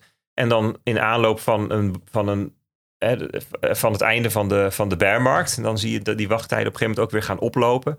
Dus daar zou je, je ook nog een indicator van kunnen maken. Nou trouwens. ja, dat, dat werd ook wel een beetje bijgehouden. Ik weet dat Stef daar, uh, Stef van Connector World, die daar op een gegeven moment bijna geobsedeerd mee was. Om, die wilde een tweedehands miner kopen. Dus die houd, hield die prijs in de gaten. En die zag je op een gegeven moment echt kelderen weer. Mm -hmm. En dat is ook niet gek, want die S9's, die, die, die oude zooi, om het eigenlijk maar zo te noemen, die kreeg je op een gegeven moment gratis bij een pakje boter, vijf jaar terug. Die gingen opeens ook weer voor, voor, voor, voor flinke bakken met geld. Daar moest je voor betalen.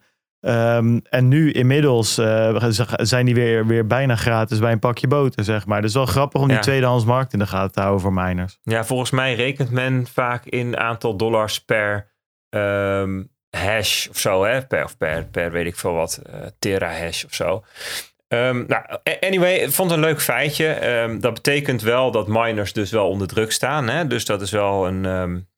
Uh, dat kan wat verkoop op druk opleveren. Hè? Want het kan betekenen dat ze meer bitcoin moeten verkopen dan ze eigenlijk willen. Omdat ze nou eenmaal de stroom moeten betalen. Hè? En ze minder relatief krijgen per dag minen. Omdat er namelijk meer mensen op het netwerk zitten. Want dat is wat een hogere hash rate doet. Dat betekent dat jij met jouw aandeel daarin, hè, dat jouw aandeel relatief kleiner wordt. Omdat er meer anderen ook van de taart zitten te vreten. Dus, nou, dus dat is interessant. Er zijn ook indicatoren opgemaakt op die hash rate. Bijvoorbeeld de, de, de ribbon, de hash ribbon. Die ook bodems kan aangeven. En dan kijkt men naar uh, verhouding, uh, dus een langere en een kortere termijn moving average van die hash rate en zo. En nou, dus er zijn ook mensen die zeggen van, ah ja, dit is uh, nog even. En die hash ribbon geeft een koopsignaal. Nou ja, goed, geen idee wat het met de markt doet en hoeveel mensen daarnaar kijken. Maar um, ja, wel, wel, wel, aardig om dat te melden. Een ander, iets anders wat ik tegenkwam. Um, ja, wat, wat, wat, um, Glassnode, wat Glassnode mooi bijhoudt, dat is van margin posities. Dus, dus zeg maar met een hefboom handelende mensen, uh, wat die als onderpand gebruiken voor hun hefboom. He, dus de margin die ze inleggen, is dat nou dollars of stablecoins of, of is dat crypto, zoals bitcoin of ether?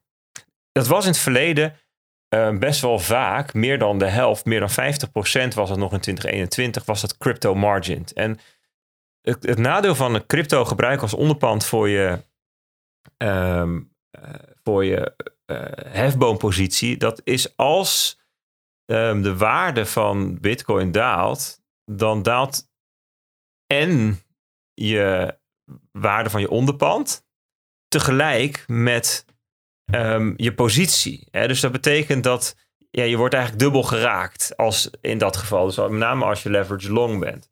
En het is dus in die zin veiliger, hè, minder convex als je um, een, stablecoin margin positie hebt. En wat toen wel veel werd gezegd van ja, weet je, die crypto margin um, futures, dat zijn de degen traders. Dat zijn, zijn, die, zijn die apen die een beetje zitten te gokken in het crypto casino. En future margin, dat, of uh, uh, stablecoin margin, dat zijn meer de ja, wat meer professionele beleggers die een beetje weten wat ze doen, zeg maar. Dus het, en, en dat was boven de 50% en dat is nu nog maar 15%, 13%. dus het overgrote gedeelte van de futures is nu met um, stablecoins als onderpand. En dat, dat, dat zou je kunnen zien als. Zou twee conclusies kunnen trekken. Of mensen zijn verstandig geworden. Of de gokkende apen zijn pleiten. Geen idee wat het, wat het antwoord daarop is op deze vraag. Maar ik denk dat het gunstig is. In ieder geval voor de um, volatiliteit. Hè? Want ja, je, kan, je krijgt natuurlijk anders veel eerder allerlei uh, squeezes van posities. Dus vond ik wel een leuke datapuntje. Ja, en toevallig deze week kwam er wat kwamen wat dingen over de huizenmarktsituatie in de hele wereld langs. Die had ik ook nog even staan. Dat, ik zag iets op BNR langskomen. Dat was een onderzoek van de Rabobank. Maar ik las die intro en toen dacht ik van ja, ik weet niet wie bij BNR dit nou geschreven heeft. Welke stagiair, maar ik, zal hem even voorlezen. Er staat na jarenlange stijging van de woningprijzen zal het vastgoed in 2023 goedkoper worden, verwachten economen van de Rabobank. Oorzaken van de verwachte daling is de economische, dat is een beetje, nou goed, anyways. Oorzaken van de verwachte daling is de economische tegenwind, hogere energiekosten en de rentes die al maar stijgen. En daar komt hij, de, de klapper, de, de, de, de reden waarom het al... Daardoor zal er minder vraag naar woningen zijn en zal de vraag dalen. Wat is het? Over. Stelt de Rabobank. Nou goed, anyway. Dus de vraag gaat omlaag. Waarom gaat de vraag omlaag, Ra Rabobank? Ja, omdat de vraag omlaag gaat. Dat is simpel, weet je. Zo gaan die dingen. Zo simpel kan het zijn. Maar anyway, Bert, ik denk dat jij nog wel meer artikelen gelezen heeft. Ik denk dat de Rabobank ook wel iets... Ik denk dat de Rabobank het niet zo heeft opgeschreven. Laat ik het zo zeggen. Anyway, eh, ik vond het erg... Ik moest hier erg om Ja. lachen. Ja, de huizenmarkt, hoe de huizenmarkt in elkaar zit, verschilt ontzettend per land. Dus je kunt eigenlijk ehm, niet zomaar cijfers van landen met elkaar vergelijken. Hè. In Nederland bijvoorbeeld ehm, eh, eh, kan je 100% van je huis financieren. In het verleden was het zelfs eh, 110, 120% weet ik veel. Eh, Ruim meer dan 100 in, dat was toen al in landen om ons heen bijvoorbeeld gebruikelijker om 60 of 70 of 80% maximaal te lenen. En dus dat is al een verschil. In Nederland had je dan eh, de, de, de hypotheekrenteaftrek en de nationale hypotheekgarantie. En je hebt die jubeltonnen. Dat zijn allemaal. Je hebt hier Aflossingsvrije hypotheken. aflossingsvrije hypotheek inderdaad als concept. Ehm ja, spaarhypotheek als concept hier in Nederland. Je hebt hier de eh, huizentekort. Hè, dus gewoon, de, zeg maar, de, de, de, er wordt te weinig gebouwd. En dat zijn allemaal zaken die zijn specifiek aan Nederland. En die zijn weer heel anders in andere landen. Eh, ik zag hier een grafiekje, Lynn Elden posten die, dat bijvoorbeeld in Australië is nou meer dan 90% van alle hypotheken heeft een variabele rente. En Nederland staat ook op het lijstje, staat maar, is maar een procent of 15. Dus 85% heeft langer lopend. En ik geloof in de Verenigde Staten dat ongeveer, nou ja, verwaarloosbaar is. Wanneer, 1, 2%. wanneer, ehm, wanneer noem je een eh, hypotheekrente variabel? Is het onder, per, per, bij, als die op een jaar vaststaat of zo? Of, ehm, ja, als het, ik denk als het minder is dan een jaar. Hè, ja, ja, ja. Even kijken of het hierbij staat hoor. Corpus Floating Run. Nee, staat er niet bij. Maar dat denk Nou, ik. ik. Volgens mij als je in Nederland een variabele rente hebt, dan- denk ik dat het elke maand wordt vastgesteld. Gok ik zo. Maar, eh, oh, eh, maar in ieder geval, la- laten we even de jaar als afkapping nemen. Ik denk dat het een reële aanname is. Dat betekent dus dat, ehm, dat je dus bent blootgesteld aan de, eh, de wijziging van de rente, de korte termijn rente. Ehm, want want dan zal ook, als het variabel is, dan zal de bank het ook op kort, kort inkopen. En dus in Nederland misschien de Euribor of zo, weet je, dat- zo'n soort tarief pakken. Ehm, eh, ehm, en ehm, ja, in Amerika bijvoorbeeld pakt men vaak 30 jaar hè, als, als hypotheek, 30 jaars rente. Dus daar, daar is het allemaal heel lange termijn. Frankrijk ook. Nou, Denemarken, Duitsland zit iets tussenin. Nederland 15%, Italië 20%, Canada 25% of zo. Ik, ik, ja, ik probeer een grafiekje te lezen. hoor. 40% in Engeland. 50 in Spanje en dan 90 in Australië. Dus dat maakt nogal uit ook de, hoe, hoe, hoe lang het duurt dat renteverhogingen de portemonnee van mensen raakt die eh, raken. Die, eh, zoek ik het zelfs Rabobank. De- wanneer renteverhogingen de portemonnee raakt, van mensen raakt die ehm, ehm, eh, nu een huis hebben. En dat is natuurlijk een andere groep dan mensen die gaan kopen. Dus je, je ziet overal wel, dus dat zijn nieuwe hypotheken die gefinancierd moeten worden dat als de rente stijgt, dat dat iets doet met, met, met, met nieuwe hypotheken. Maar het kan dus ook nog zijn. Er zijn dus ook landen waar de bestaande hypotheken geraakt worden. Dus dat, dat, dat, dat vond ik een interessant om, om even eh, te noemen. Hè? Dus dat je daar in verschillende landen verschillende eh, eh, dingen van gaat zien. Nou, het belangrijkste land voor de wereldeconomie is natuurlijk toch gewoon Amerika. Hè? Daar, daar, ehm, eh, want want ehm, als vele miljoenen Amerikanen in de problemen komen dan doet dat iets politiek in ieder geval met wat de Fed kan. Hè? Dus dat is dan even de redenering. Ja, daar zitten, hebben dus heel veel mensen hebben gewoon een eh, lang, lang gefinancierde hypotheek. Dus dat is niet zozeer het probleem. Wat is daar dan wel het probleem? Nou ja, ehm, nieuwe hypotheken. Ehm, de US mortgage ra- rates rise to v- 5,9 procent. Bijna 6 procent is nu de hypotheekrente in de Verenigde Staten. Dat is het hoogste sinds 2008. Dus hypotheek in, dus voor nieuwe hypotheken is in Amerika echt nu ongelooflijk duur. En dat betekent dat die huizenmarkt daar stagneert, um, in de problemen komt. En dus het, het, de, de, het, huis wat je in Amerika kunt financieren, ja, dat is nu 30, 40 procent of zo uh, uh, lager. En dus die prijzen moeten gaan dalen. Wil die markt um, uh, in beweging blijven? En dat heeft dan weer echt onwijze vertraging hè, op de rentes. Dus vaak een jaar, 18 maanden later dat dat pas echt zichtbaar wordt in cijfers. Dus een lagging indicator. Um, nou ja, ik denk niet dat dit ergens in de komende maanden heel veel impact gaat hebben op um, dingen als recessies of inflatie of de, uh, uh, uh, de rente. Maar het kan wel ja, weet je, uh, uiteindelijk impact hebben bijvoorbeeld op consumentenvertrouwen, um, op um, uh, um, ja, via de politiek dus. Dus het is wel iets om in de gaten te houden. Ja, wanneer dat in Nederland uh, effect gaat hebben. Ja, ik las, ja, de Rabobank zegt volgend jaar. Ik, ik, las wel dat we al wel weer iets over het piekje heen zijn. En je hoort ja. anekdotisch van allerlei makelaars wel. Die zeggen van ja, er zijn nog mensen die als een als een gek overbieden. En tegelijkertijd zijn er mensen die eronder aan het bieden zijn. Wat ze gewoon niet meer kunnen lenen. Ja, dus ook dus omdat het natuurlijk een, een totaal... Um, uh, de, de, die hele veiling eigenlijk, want dat is natuurlijk wat het is, zo'n huizenverkoop. Als er meerdere mensen... Het is een blinde veiling. Dus de een die snapt misschien wel wat er gebeurt. En de ander die denkt nog van dat we midden in die gekte van een half jaar terug zitten. Ja, neem het eens kwalijk, weet je. Het gaat zo snel.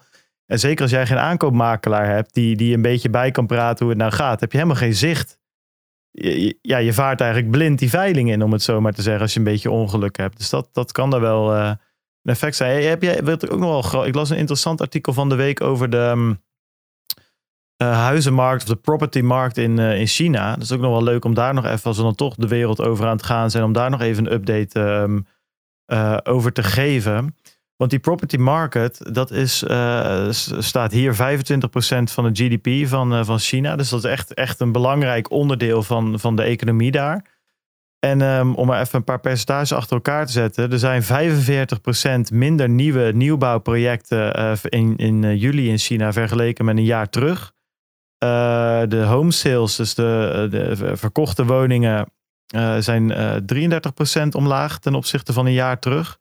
En uh, investments, dus property investments, dus uh, ja, wat is dat? Uh, investeringen in, um, in vastgoed zijn ook 12% omlaag. Ja, dat, dat tikt natuurlijk wel aan. wat zijn de redenen daarvoor? Ja, daar hebben we het al een keertje over gehad, maar nog even, um, even kort. eigenlijk twee dingen. We weten dat China op een gegeven moment, de regering daar, dat die best wel hard ingegrepen hebben in die technologie sector. Nou, dat hebben ze eigenlijk ook gedaan in die property sector. Want heel kort, wat er daar gebeurt, is een soort van ja, als je het hoort, denk je, dit is een, dit is een piramideachtige uh, constructie. Je betaalt daar uh, aan een aannemer en die gebruiken eigenlijk dat geld weer om niet per se om jouw uh, woning te bouwen, maar ook om weer nieuwe stukken grond te kopen en weet ik het allemaal. En de, die, die, de liquiditeitsvereisten voor dat soort bedrijven waren laag en een beetje vaag. En ja, goed, dat, dat, dat is uiteindelijk ook waar Evergrande aan kapot is gegaan. En waar ze dus ook, waarom ze dus allemaal half afgebouwde enorme skyscrapers hebben. Um, nou goed, dus je weet daar niet als je, je huis koopt of het er daadwerkelijk ooit gaat komen. En dat leidt dus nu weer uh, tot een aantal dingen. Dus ten eerste heeft de regering daar gezegd, daar moeten we iets mee. Dus die hebben daar best wel wat strengere regels um, neergezet als het gaat om liquiditeit. Dus ja, dat zorgt er ook voor dat er allemaal minder projecten uh, gebouwd worden. Ten tweede uh, hebben ze daar nog steeds die zero COVID uh, policy, waardoor soms gewoon hele steden van tientallen miljoenen mensen twee maanden binnen moeten blijven zitten. Ja, dan kan je niet een huis kopen op zo'n moment. Of een huis bouwen, voor that matter. Um, dus dat zijn wel plus. Dit alles heeft ertoe geleid dat er het consumentenvertrouwen gewoon heel erg gekelderd is in China. En dat er dus mensen zeggen van ja, ik ga mijn huis nooit meer krijgen. Ik stop met het betalen van mijn hypotheek. Want zo werkt het daar ook. Je moet al wel uh, betalen um, um, uh, ja, als je dus die, um, uh, dat huis gaat laten bouwen. Nou, al die dingen zorgen voor best wel een best wel hoofdpijndossier voor Xi Jinping. Is ook interessant om in de gaten te houden. Ook, en precies wat jij zegt, Bert, een voorbeeld van een compleet andere dynamiek dan weer in andere landen eigenlijk. Dus het is je ziet overal huizenproblemen. En, en, uh, en, en, en, en eh, ja, dingen die ermee te maken hebben. Maar de oorzaken en de uitwerkingen zijn eigenlijk overal anders. Uh, dus dat is wel een terechte opmerking die je maakt. Ja, dus, dus, dus dus China is een belangrijke factor. Maar China is altijd moeilijk te duiden. Want dus als het daar slecht gaat, dan kan je zeggen ja, dat is een probleem voor productie van dingen. Hè? Dus dat is infla uh, het verhoogt inflatie. Maar als het slecht gaat, kan het ook zijn dat de consumptie van Chinezen omlaag gaat of energieverbruik. En dat is dan weer inflatieverlagend. Dus wat over, overheerst dan, weet je wel. Dus, dus, dus de, impact van China op de wereldeconomie is vaak moeilijk te duiden.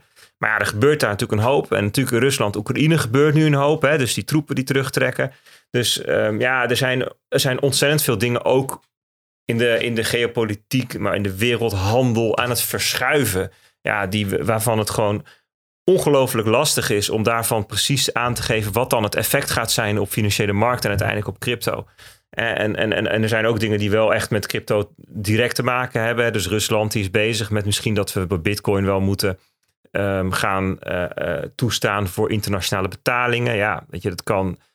Dus dat is adoptie, maar het is ook een reden voor regelgevers om te zeggen: hartstikke idee, weg ermee. Dus het is, ja, het is allemaal er gebeuren ontzettend veel dingen die, waarvan je niet zo 1, 2, kunt zeggen van nou, dat, dat, dan gaat dit de impact van zijn. En dus dat is, uh, daarom beperken we ons vaak maar gewoon tot Amerikaanse cijfers en financiële markten en zo. Ja. Hey, dan hebben we hem uh, te pakken denk ja. ik weer voor deze week hè? Zeker. Top. Thanks. Uh, dan gaan we, ja, yo, ja. PNO, uh, ja, ja, jouw akkoord, jongen. Ja. Precies, zo is het.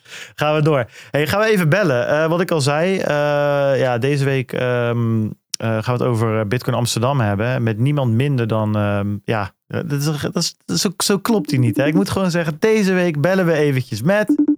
Sebastian van Erne, organisator van Bitcoin Amsterdam. Daar is hij weer. Welkom. Terug in de show. Tweede keer. Je bent er volgens mij de eerste die we twee keer even bellen met uh, uh, doen, uh, Sebas. dus gefeliciteerd en nou, welkom. Ik, Hoe is het? ik voel me vereerd. Ja, gaat goed. Gaat goed. Thanks. Ja, je zei van tevoren al kleine oogjes. Het is hard doorwerken, neem ik aan. Zo een precies een maand voor de conferentie.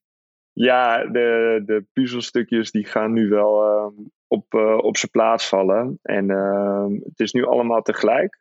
Maar dat, dat maakt het ook gewoon echt mega uitdagend en, uh, en juist heel erg leuk. Ja. Dus lange dagen, maar dat hoort er echt bij. Nou, je zei van tevoren al, uh, er komen hopelijk een paar verrassingen nog aan volgende maand. Dus uh, nou, ik, ben, ik ben echt heel benieuwd. Ik heb er heel veel, heel veel zin in. Hey, vorige week um, hadden Bert en, en Peter en ik hebben het over de, de sprekers gehad. Ja. er, er, zijn er wat bijgekomen. Er was ook, ja, we moeten het er toch even over hebben. Er was ook flink wat ophef op Twitter over Nigel Farage, ik moet me e-, eerlijk toegeven, ik kan me daar uh, wat bij voorstellen. Ik vond het ook een enigszins, uh, ja, nou, om het uh, politiek correct te houden, bij Nigel Farage, een interessante, een interessante keuze. Voor mij was de link met Bitcoin niet helemaal, niet helemaal duidelijk. En de beste man staat qua politieke ideologie ook vrij ver bij mij vandaan. Maar goed, dat is persoonlijk. Ja. Um, jij regelt de sprekers ook verder niet uh, per se. Maar ik was wel benieuwd uh, of jij er wat achtergrond uh, bij kan geven. Wat, wat, wat het idee was om hem uit te nodigen.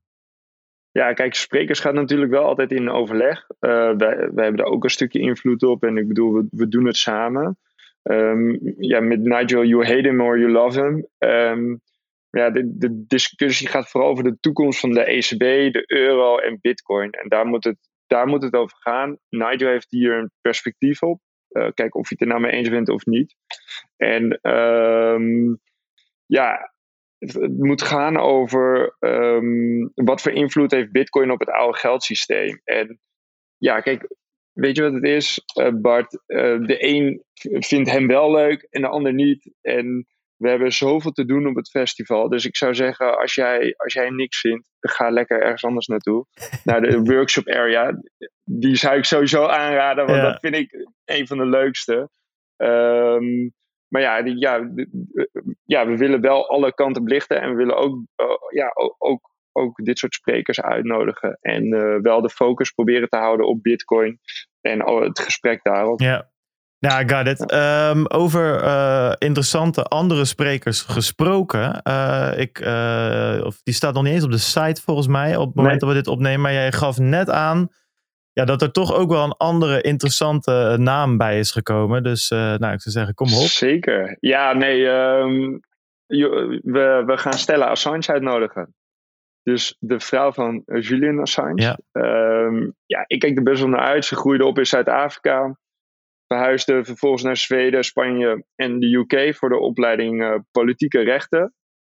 Onder andere Oxford. En zij ontmoette Julian Assange in Londen 2011. Uh, en daar voegde zij zich bij het uh, internationale juridische team van hem. Nou, op een gegeven moment samengekomen, twee kinderen gekregen 2017 en 2019. Maar we weten natuurlijk allemaal dat Julian Assange in een zwaar beveiligde gevangenis zit. En daar zijn ze dit jaar toevallig getrouwd, in maart. En ja, zij gaat een keynote houden en in een panel over gevangenschap en hoe dat is. En de relatie daarmee met Bitcoin. Ze hebben natuurlijk ook heel veel donaties ontvangen via Bitcoin. Um, dus ja, dat, dat, dat wordt denk ik een heel interessant onderwerp en gesprek. Ja, nee, dat denk ik zeker. Ik, uh, uh, ik, ik kijk er wel naar uit. Ik was. In Miami hadden we natuurlijk. Um, dat, dat zat een beetje in diezelfde hoek. En dat heeft wel veel indruk gemaakt. Dat was toen uh, het eerste interview wat Ross Ulbright ooit gegeven ja. heeft. Vanuit de gevangenis was dat ook. In ieder geval, het was een voice memo eigenlijk. Waarin hij vertelde hoe dat was. En ja, weet je, of je het nou uh, terecht vindt of niet, wat er met die uh, beste jongeman gebeurd is. Gewoon het verhaal wat hij vertelde, dat, dat, dat kwam wel binnen. En ik denk dat dat, hier zie ik dezelfde ja. potentie, zeg maar. Want het is natuurlijk ja. wel echt een, een, ja, een, een, een intrigerend verhaal. Hij wacht natuurlijk op zijn, op zijn uitlevering. Ja. Daar is een hele rechtszaak omheen of hij nou wel of niet uitgeleverd moet worden aan, aan de Verenigde Staten. Dus nou, interessant om daar een inside peak uh, te krijgen. Um, exact, ja. dat, exact dat. En, en de link dus ook weer met, met Bitcoin, hoe, ja. hoe zij er naar kijken. Mega interessant. Hey, iets anders wat je zei, uh, waar ik ben heel benieuwd naar ben, is, ja, kijk, in, we hebben het er al vaker over gehad, ook uh, met Bert en Peter. Ja, in Miami was het echt een, een conferentie, zo Amerikaans als dat je het maar kan krijgen. Conferentiezalen met sprekers daarin.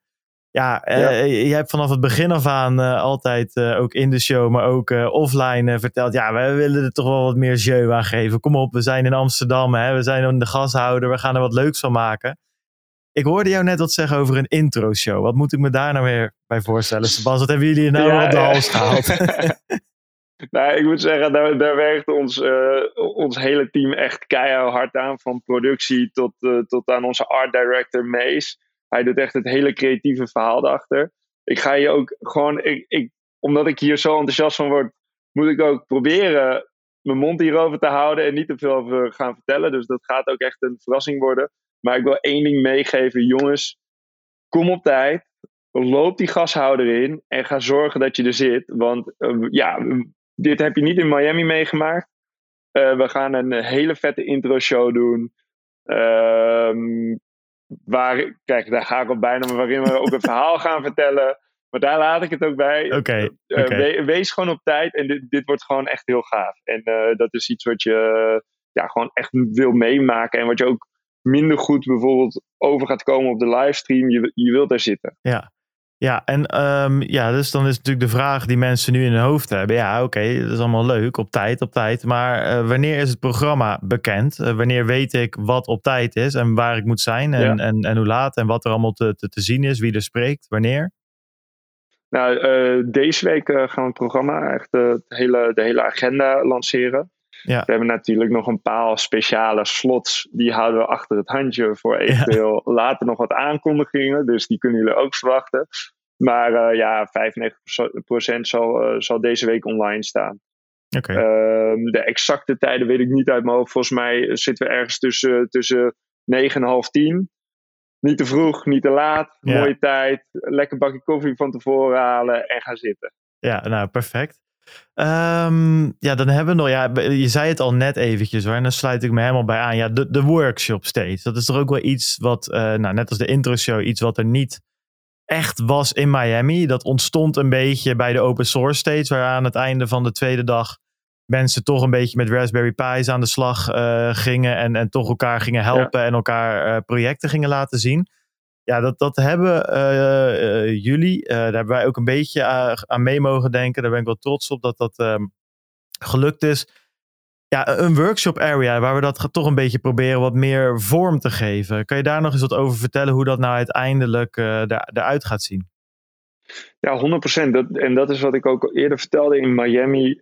Kijk, ik, ik had bijvoorbeeld nooit een Lightning Wallet opgezet. Ehm, en dat zijn dingen die je gewoon eigenlijk spelende wijze wilt leren. En dat is heel erg wat we in die workshop area willen integreren. En nou ja, Bart, eh, we zijn ook mega blij. Ik heb het gevoel dat het lekker een beetje een Nederlands tintje gaat hebben. eh, met jullie eh, ook daar als spreker. En we hebben wat extra mensen uit de community ook uitgenodigd. Ook om hierover mee te denken. En ja, dat moet gewoon heel interactief zijn. Daarna dat je net om het hoekje ook even over na kan praten. Hoe doen jullie dingen nou? Dus het, daar wil je gewoon echt leren. En waarin je bijvoorbeeld bij de andere stages, keynote, meer. Dat kan je ook leren, maar meer- misschien wat meer inspiratie kan krijgen. Ja, Dus ook in, op die manier willen we heel erg een, een, balans, er, eh, een balans erin brengen. Ehm, ja ik kijk er Ja, heel erg naar uit. Wordt, Ja, ik wordt, ook. Wordt, wordt, Ik ook. wordt, wordt super vet. Ik denk, Ja. ja, ja ook daar, ehm, ja, da- daar weet ik iets meer van het programma. Omdat, ja, omdat we dus, zoals je zegt, eh, zelf ook wat gaan doen. Daar worden de laatste puntjes volgens mij, as we speak, op de i gezet. Dus eh, ook daar zal deze week ehm, eh, iets, iets online komen. Ja, dan kunnen we daar in de podcast zullen, denk ik, volgende week dat we dat dan even op gaan pakken. Gaan we eens even met, met, met. Bert, met Bert en Peet ook ehm, eh, dat, dat, dat even één voor één doorlopen. Net als we dat vorige week met de sprekers hebben gedaan. Ehm, ja, en dan, ja, als, als klap op de vuurpijl hebben we, ja, dat, dat- ja, dat- dat ja. is jouw trots. ja, nou, dat is enigszins, ja, hoe, hoe, hoe het gebeurt is, dat weet ik nog steeds niet precies. Dat er heel veel eh, eh, brainstormen en nadenken. En op een gegeven moment kwam er opeens het idee van, ja, vinden jullie het leuk om eh, eh, wat op de mainstage te vertellen als Satoshi Radio host? Eh, en eh, het- ja, hebben we ja gezegd. Toen kregen we op een gegeven moment het tijdslot te horen. En toen dachten we, hé, maar dat is wel vroeg. En dat is ook op de eerste dag. bleek het ja, de- eigenlijk de opening te zijn. Dus ehm, het goed is gaan Bert, Bert en ik dat doen. Eh, Peet, Peet die, zal het, ja, die, helpt, die helpt mee aan het script. Ehm, maar Peet, Peet is niet zo van grote lampen en grote podiums. Dus die, die, ik denk dat die eventjes ehm, aansluit gewoon in, eh, in, in ons hoekje. En ons eh, lekkere hoekje wat we ook nog eens hebben natuurlijk. De Satoshi Radio Area met, eh, met de open haard. Maar ja, goed, dus de opener. Ja, ik ben, ik ben heel benieuwd. Ehm, we mogen daar wat over Lightning vertellen. Bertie mag er wat over Bitcoin en Europa vertellen. Dus dat, dat, dat gaat ook heel gaaf worden. Ja, en daarom thanks dat jullie die openingsshow hebben. Want dan zit iedereen als het goed is klaar. Dus dan hebben, we, hebben, Ja, hebben wij een volle bak. 100 procent. En jullie verdienen dat ook, mannen. Want jullie hebben ook ons zoveel geholpen. En ik bedoel, ja, als je het over Bitcoin hebt, dan eh, heb je het eigenlijk ook over, over Bart, Bert en Peter Ja, eh, hier in Nederland. Dus eh, ja, jullie gaan, jullie gaan gewoon gelijk vanuit de intro-show, opening, eerste keynote, jullie gaan rammen. Ik weet Ja. het zeker. Ja dat gaat helemaal goed komen. Ik vind het wel spannend. Dus ik allemaal zal- blijven zitten. ik zal het je eerlijk, eh, ik zal het je eerlijk zeggen. Maar het is wel een bucketlist dingetje. Hoef ik daarna nooit meer op zijn event eh, te praten. Ben ik gewoon in één keer, één keer klaar.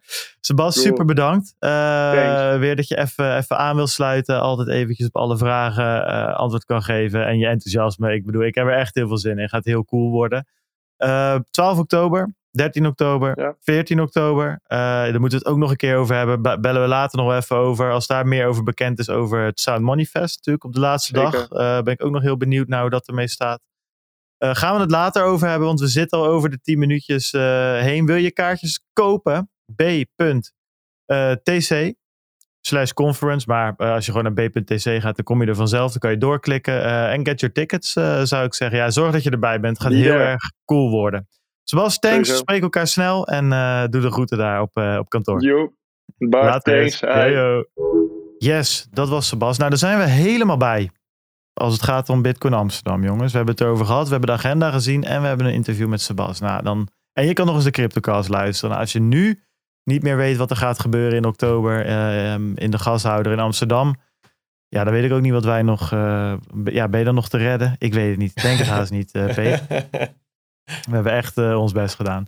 hey, we hebben van alles te bespreken deze week. Ik zie hier een lijst voor mijn neus staan. Jongens, jongens, jongens. Daar word je Dat is eng van. echt, eh, daar word, ja, daar word je eng van. Peet, het eens over Jij, jij hebt ondertussen, zag ik, en ja, dat is, dat is zo fantastisch als je met z'n drieën bent, weet je, dan, dan kan je met z'n tweeën een beetje over de Chinese property market eh, praten. En dan, Peet, zag ik ondertussen al een paar dingetjes in de gaten houden. Is er in dat afgelopen uur nog iets gebeurd qua merch wat wij gemist hebben? Ehm, ik zie een paar dingen. Ik zie wat, eh, wat, wat, wat mining eh, grafieken van eh, Ethereum Classic. Ik zie dat eh, Ethereum Proof of Work gelist is op FTX. Zullen we, zullen we even gewoon de laatste nieuwtjes even bespreken? En kunnen we daarna gewoon eens even gaan vertellen wat, wat die hele eh, overstap naar Proof of Stake nou eh, Ja, ik, inhield? ik, ik zou het toch liever zou ik het omdraaien eigenlijk. Do- doen we dat.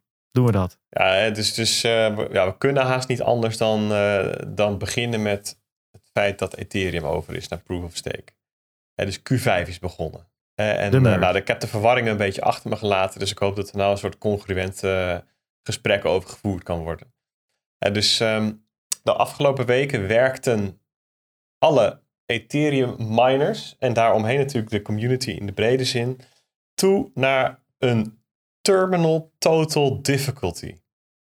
En ehm, eh, dat is een optelsom van al het werk dat alle eh, Ethereum miners ooit in de Ethereum blockchain gestoken hebben. Ehm, en daar komt een getal uit en dat getal dat gaat steeds maar omhoog, omhoog, omhoog, want er wordt natuurlijk elke keer weer nieuw werk aan toegevoegd. en op een bepaald punt, als dat een eh, bepaald, bepaalde waarde bereikt, en ik weet niet precies wat die waarde was, ik weet niet of je die fatsoenlijk kunt uitspreken, ik denk dat dat hoger is dan, eh, dan de getallen die we normaal in spreektaal gebruiken. Ehm, op dat punt zou Ethereum in één keer overswitchen van proof of, eh, over, ehm, van wisselen van proof of work naar proof of stake. En ja, dat is natuurlijk wel spannend. Eh, en ze hebben dat geoefend met alle testnets. Die hebben hetzelfde soort ehm, procedure doorgelopen. Eh, en daar ging het goed. Maar ja, nu staat er wel wat meer op het spel. Eh, dus dat gewoon, ehm, eh, ja, toch, toch wat je ook vindt van Ethereum, feit is, eh, het is een groot netwerk met, een, met heel wat belangen. van miner tot gebruiker en van ontwikkelaar tot, tot bedrijf en project die gebruik maakt van Ethereum. Ehm, ja, en vanochtend was dus het moment daar dat die terminal total difficulty bereikt was. Het was echt, ik, ik vind dat ze qua planning wel wat meer rekening hadden kunnen houden met mij. Gewoon met mijn persoonlijke situatie. Het was ook precies eigenlijk rondom het moment dat kinderen naar school moeten. Spitsuur in de ochtend in Nederland. Ja, vind ik niet, vind ik niet een goed idee. Dus ik vind dat daar de belangen niet goed zijn afgewogen. Ehm, toch, ik denk dat eh, Vitalik zelf gewoon aan het eind nog even heeft gezegd van... joh, we moeten wat beter rekening houden met die slachter. Want ja, weet je, als we nu die difficulty bereiken, dan gaat het mis. Dan kan het er niet live bij zijn. Dus ik denk dat hij de miners gebeld heeft. Even, even een paar minuten uit te stellen. Dus het was, eh, ja, hoe laat was het nou precies? Ik denk een eh, uur of negen of zo, hè? Het was 42 over 8. 42 Ja, want over acht. Ik, ja. ik, ik heb wel tweetjes inderdaad. Oké, ja, ja. dus, dus ik, ja, ik was eh, denk ik een kwartiertje thuis. Mooi bakje koffie kunnen zetten. En ik had een livestream aangezet. Er waren er meerdere. Ik, ik, keek naar de livestream ehm, georganiseerd door de Ethereum Foundation. En daar zaten allerlei Ethereum grootheden met elkaar. Ja, toch wel ja, heel blij. Hè? En ehm, ja, eh, een heel, ja, het was een beetje een gek moment vond ik. Hè, dus ik, ik was daar, eh, ik voelde me een beetje als buitenstaander. Ik was aan het observeren hoe een, een, ehm, een groep mensen echt, echt, ja, eh, heel erg, ja, hoe noem je dat? Eh, Ze, ze, ze zaten er lekker in. Ze waren opgetogen. Eh, dus ehm, eh, er ging iets komen in, in- en het is duidelijk voor hen was dit het allergrootste moment ooit in hun crypto carrière. Ehm, en, en dat was eh, best dus- leuk om te zien. dus er was een bepaalde Laten spanning en, en blijdschap en groepen mensen bij elkaar, beelden van meetups, dashboards die op het scherm werden getoverd en allemaal werkte dat naar hetzelfde moment toe. Vanuit allerlei landen en, en streken. En toen dat dan gebeurde, ja, volgde applaus.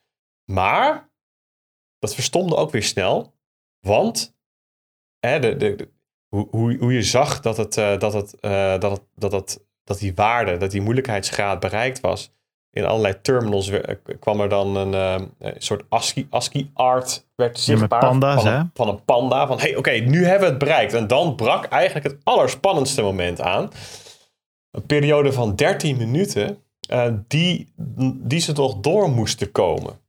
Ja, want die moet je dan voorstellen. Dus dan schakelt het, ehm, het netwerk over naar een ander consensusmechanisme. En dan schakelt er ook in één keer ehm, schakelen we om naar een heel ander soort jargon.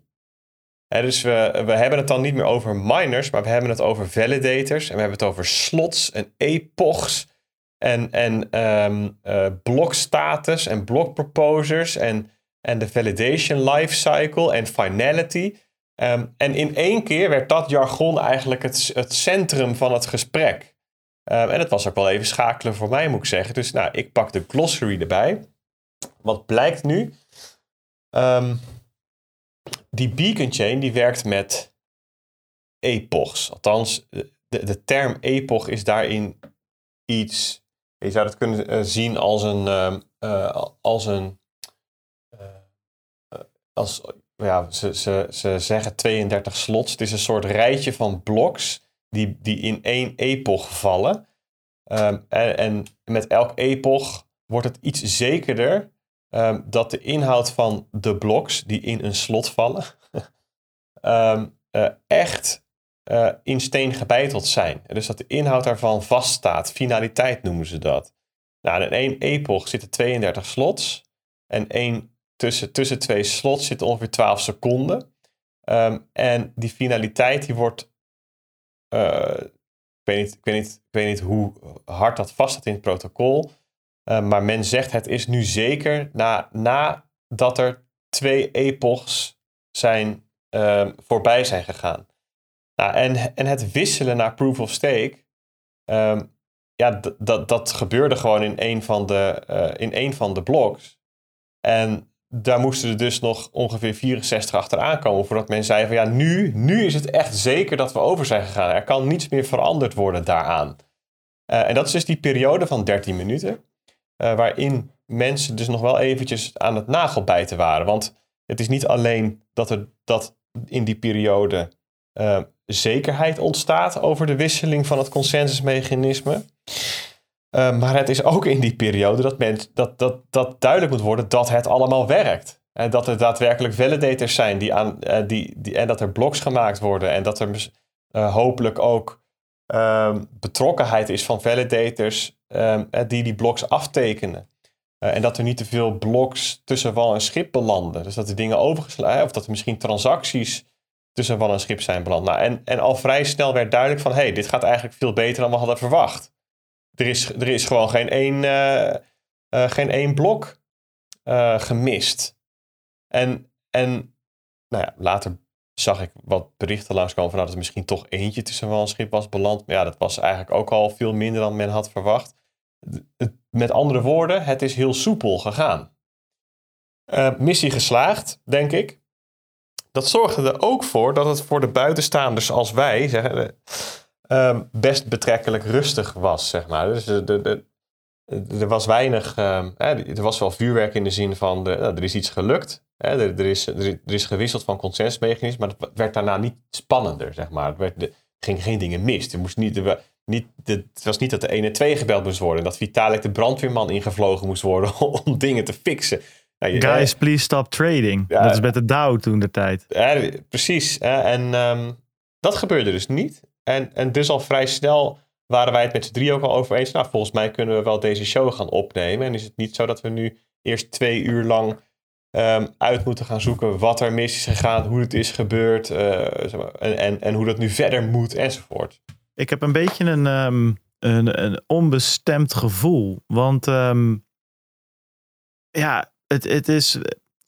Ja, ik weet, ik, weet, ik weet het niet. Zeg maar, ik zit een beetje te zoeken. En uh, zit ik op Coindesk en Decrypt en whatever. Gewoon een beetje alle nieuwswebsites te kijken. En die hebben dan allemaal natuurlijk om, om kwart voor acht of een kwart voor negen een artikel gepost van: oké, de merch is live en het is allemaal goed gegaan.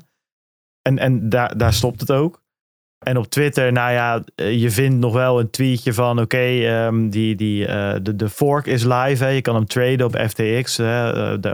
As we speak is dat, hoeveel was het waard? 20 dollar of zo. Um, Iets in die, iets in die richting. Klik Ja. hem maar even. 27 dollar zie ik hier nu. Klik er even bij. En eh, we kunnen zien dat miners blijkbaar overschakelen naar Ethereum Classic. Want daar is de hash rate eh, twee, twee of drie keer over de kop gegaan eh, vandaag. Maar daar, daar blijft het een beetje bij, zeg maar. Weet je wel, ik weet toen met Segwit bijvoorbeeld, toen, toen had je die fork en daarna brak de pleuris uit, weet je. Dat was de hele dag op Twitter, hadden mensen weer wat gevonden en die prijs van Bitcoin Classic ging toen, eh, was Bitcoin Classic, Bitcoin Cash natuurlijk. Eh, die knalde toen omhoog en, en Bitcoin normaal ging omlaag en die hash rates die schoven een beetje naar elkaar toe. Dat wat je zegt, Peter, dat was allemaal wel heel spannend. En hier was het oké, ze deden een uur voor de live, eh, voor de, eh, voor de merch, ging die livestream aan. Nou, maar hartstikke leuk. Iedereen een praatje gehouden. Nou, op een gegeven moment de, was de merch daar. Iedereen even klappen. Nog een paar bedankjes. Er werd nog een of andere gekke, een of andere airdrop eh, eh, eh, uitgelegd. En de, de stream ging uit. En er zijn nu ook geen streams meer aan of zo. Iedereen is gewoon doorgegaan met Ja. zijn leven. Terwijl ik, ja, het voelt een beetje underwhelming. Maar misschien komt dat blijkbaar omdat het gewoon heel erg goed is gegaan. Ja, ik denk dat we dat de komende maanden pas kunnen gaan beantwoorden. Als dat protocol en als dat consensusmechanisme echt getest gaan worden. En die dingen waar we het de afgelopen weken over gehad hebben. Qua centralisatie, qua ehm, MEV en dat soort dingen. Eh, ja, als dat zich uit gaat spelen, want dat kunnen we nu natuurlijk nog niks over zeggen eigenlijk. Dat, dat gaan we de komende maanden en jaren zien. En dat is eigenlijk nog het meest interessante natuurlijk. Want stel nou dat het wel werkt. Stel nou dat dat slashen van, eh, van een Coinbase als ze eh, zich niet gedragen wel werkt. Ja, weet je, we gaan het zien. Het is natuurlijk wel heel interessant om naast Bitcoin zo'n grote munt te hebben die een compleet andere koers vaart. Ik bedoel, qua optionaliteit is dat natuurlijk fantastisch, denk ik. Ehm, dus ja, goed. Maar anyway, ik, ik zit nu een beetje tussen wal en schip. Dat ik denk, ja, ik heb hier een artikel voor me, daar staat What's Next. Ja, dat, dat, heb ik, Nou, dat, dat- daar- daar- dat daar- blijft daar bij mij in mijn het. hoofd zitten. Daar ging het wel over. En ik heb ook wel wat eh, in de categorie onbestendig gevoelens eh, rondom dit gebeuren. Maar misschien eerst even heel concreet. Want ehm, eh, dat- die hele merge, het is toch best wel een, een technisch feestje. Wat, wat, heb, wat heb je hier nou aan als gebruiker? Of, of misschien niet eens als gebruiker. Je bent gewoon geïnteresseerd in wat er in het crypto-wereldje gebeurt. Ehm, dan is het goed denk ik om even, want we hebben even wat, wat concrete puntjes opgeschreven, wat, je nou wel, wat er nou wel en wat er nou niet verandert. Dus het is niet zo dat nu na de merge Ethereum ineens sneller is geworden. Dus dat, dat de bandbreedte ervan hoger is geworden. Eh, dat, is, dat is toekomstmuziek. Het is ook niet zo dat de fees ineens lager zijn geworden. En het is ook niet zo ehm, dat, het, ehm, eh, dat er ineens een soort schok is eh, in het monetair beleid. Dus dat het, dat, het, ehm, dat het nu ineens permanent deflatoir is geworden. Wat is er wel gebeurd? Nou, staking. Eh, eh, proof of stake is het consensusmechanisme en je kunt Ether dus steken. Kon al, hè, maar, eh, dat waren dan diensten die dat mogelijk maakten. En, en maar nu is er eigenlijk is nu geen proof of work meer over. Hè, dus je kunt nu enkel en alleen nieuwe Ether in de wereld brengen door te steken. Ehm, dat, dat protocol zorgt ook voor constantere bloktijden. Dus je ziet nu een, een veel regelmatigere hartslag, om het zo maar even uit te drukken. Ehm, ja, ik zie ook dat er, dat er een EIP 1559 beter functioneert. Maar daar moet een van jullie mij maar eventjes eh, helpen met wat dat precies is. Ja, Ja. nou ja, ja, die, die moet, ja, pak jij die maar even op, Bert. Dan kan ik daarna nog wel wat zeggen over dat eh, hele deflatoire verhaal. Of die kan jij ook meteen oppakken hoor. Want dat is op zich ook wel een interessant om even eh, die, die, die mythe de wereld uit te helpen. Maar wel eh, de mm, nuance toe te voegen dat het wel een deflatoire druk geeft. de veranderingen die er nu plaatsvinden. Nou, doe dat dan eerst maar even, Bart. Nou ja, het ging er volgens mij dat, dat die, volgens mij die block rewards die zijn ehm, lager, dacht ik. Dus er komen gewoon minder ether de wereld in. Maar ze komen nog steeds de wereld in. Dus dat is nog steeds inflatie. Ik bedoel, het is een, eh, uit, een, een, vergroting van je geldhoeveelheid. Dus dat is inflatie. Maar eh, omdat er natuurlijk ook nog steeds die eh, ehm, Ethereum geburnt wordt, ja, zie je gewoon dat het aantal, dat is zeg maar de deflatoire druk. En omdat de inflatie veel lager is dan met proof of work, zal die deflatoire druk nog veel groter zijn dan, eh, eh, dan in een proof of work systeem. Maar dat Ja. betekent dus niet dat, we op, dat het per definitie deflatoire is. Want als er gewoon niks geburnt wordt, dan komen er nog steeds Ether bij. Dus dat is eh, volgens mij de nuance die daar eh, ehm, eh, belangrijk is om, om, om te maken. Ja, dus, dus na elk blok is er Ether bijgekomen omdat het in omloop wordt gebracht en Ether afgegaan omdat het geburnt wordt. En als het hoeveelheid geburnt groter is dan de hoeveelheid aan nieuw in omloop gebracht, dan is het dus deflatoire. Dan is er een negatieve inflatie.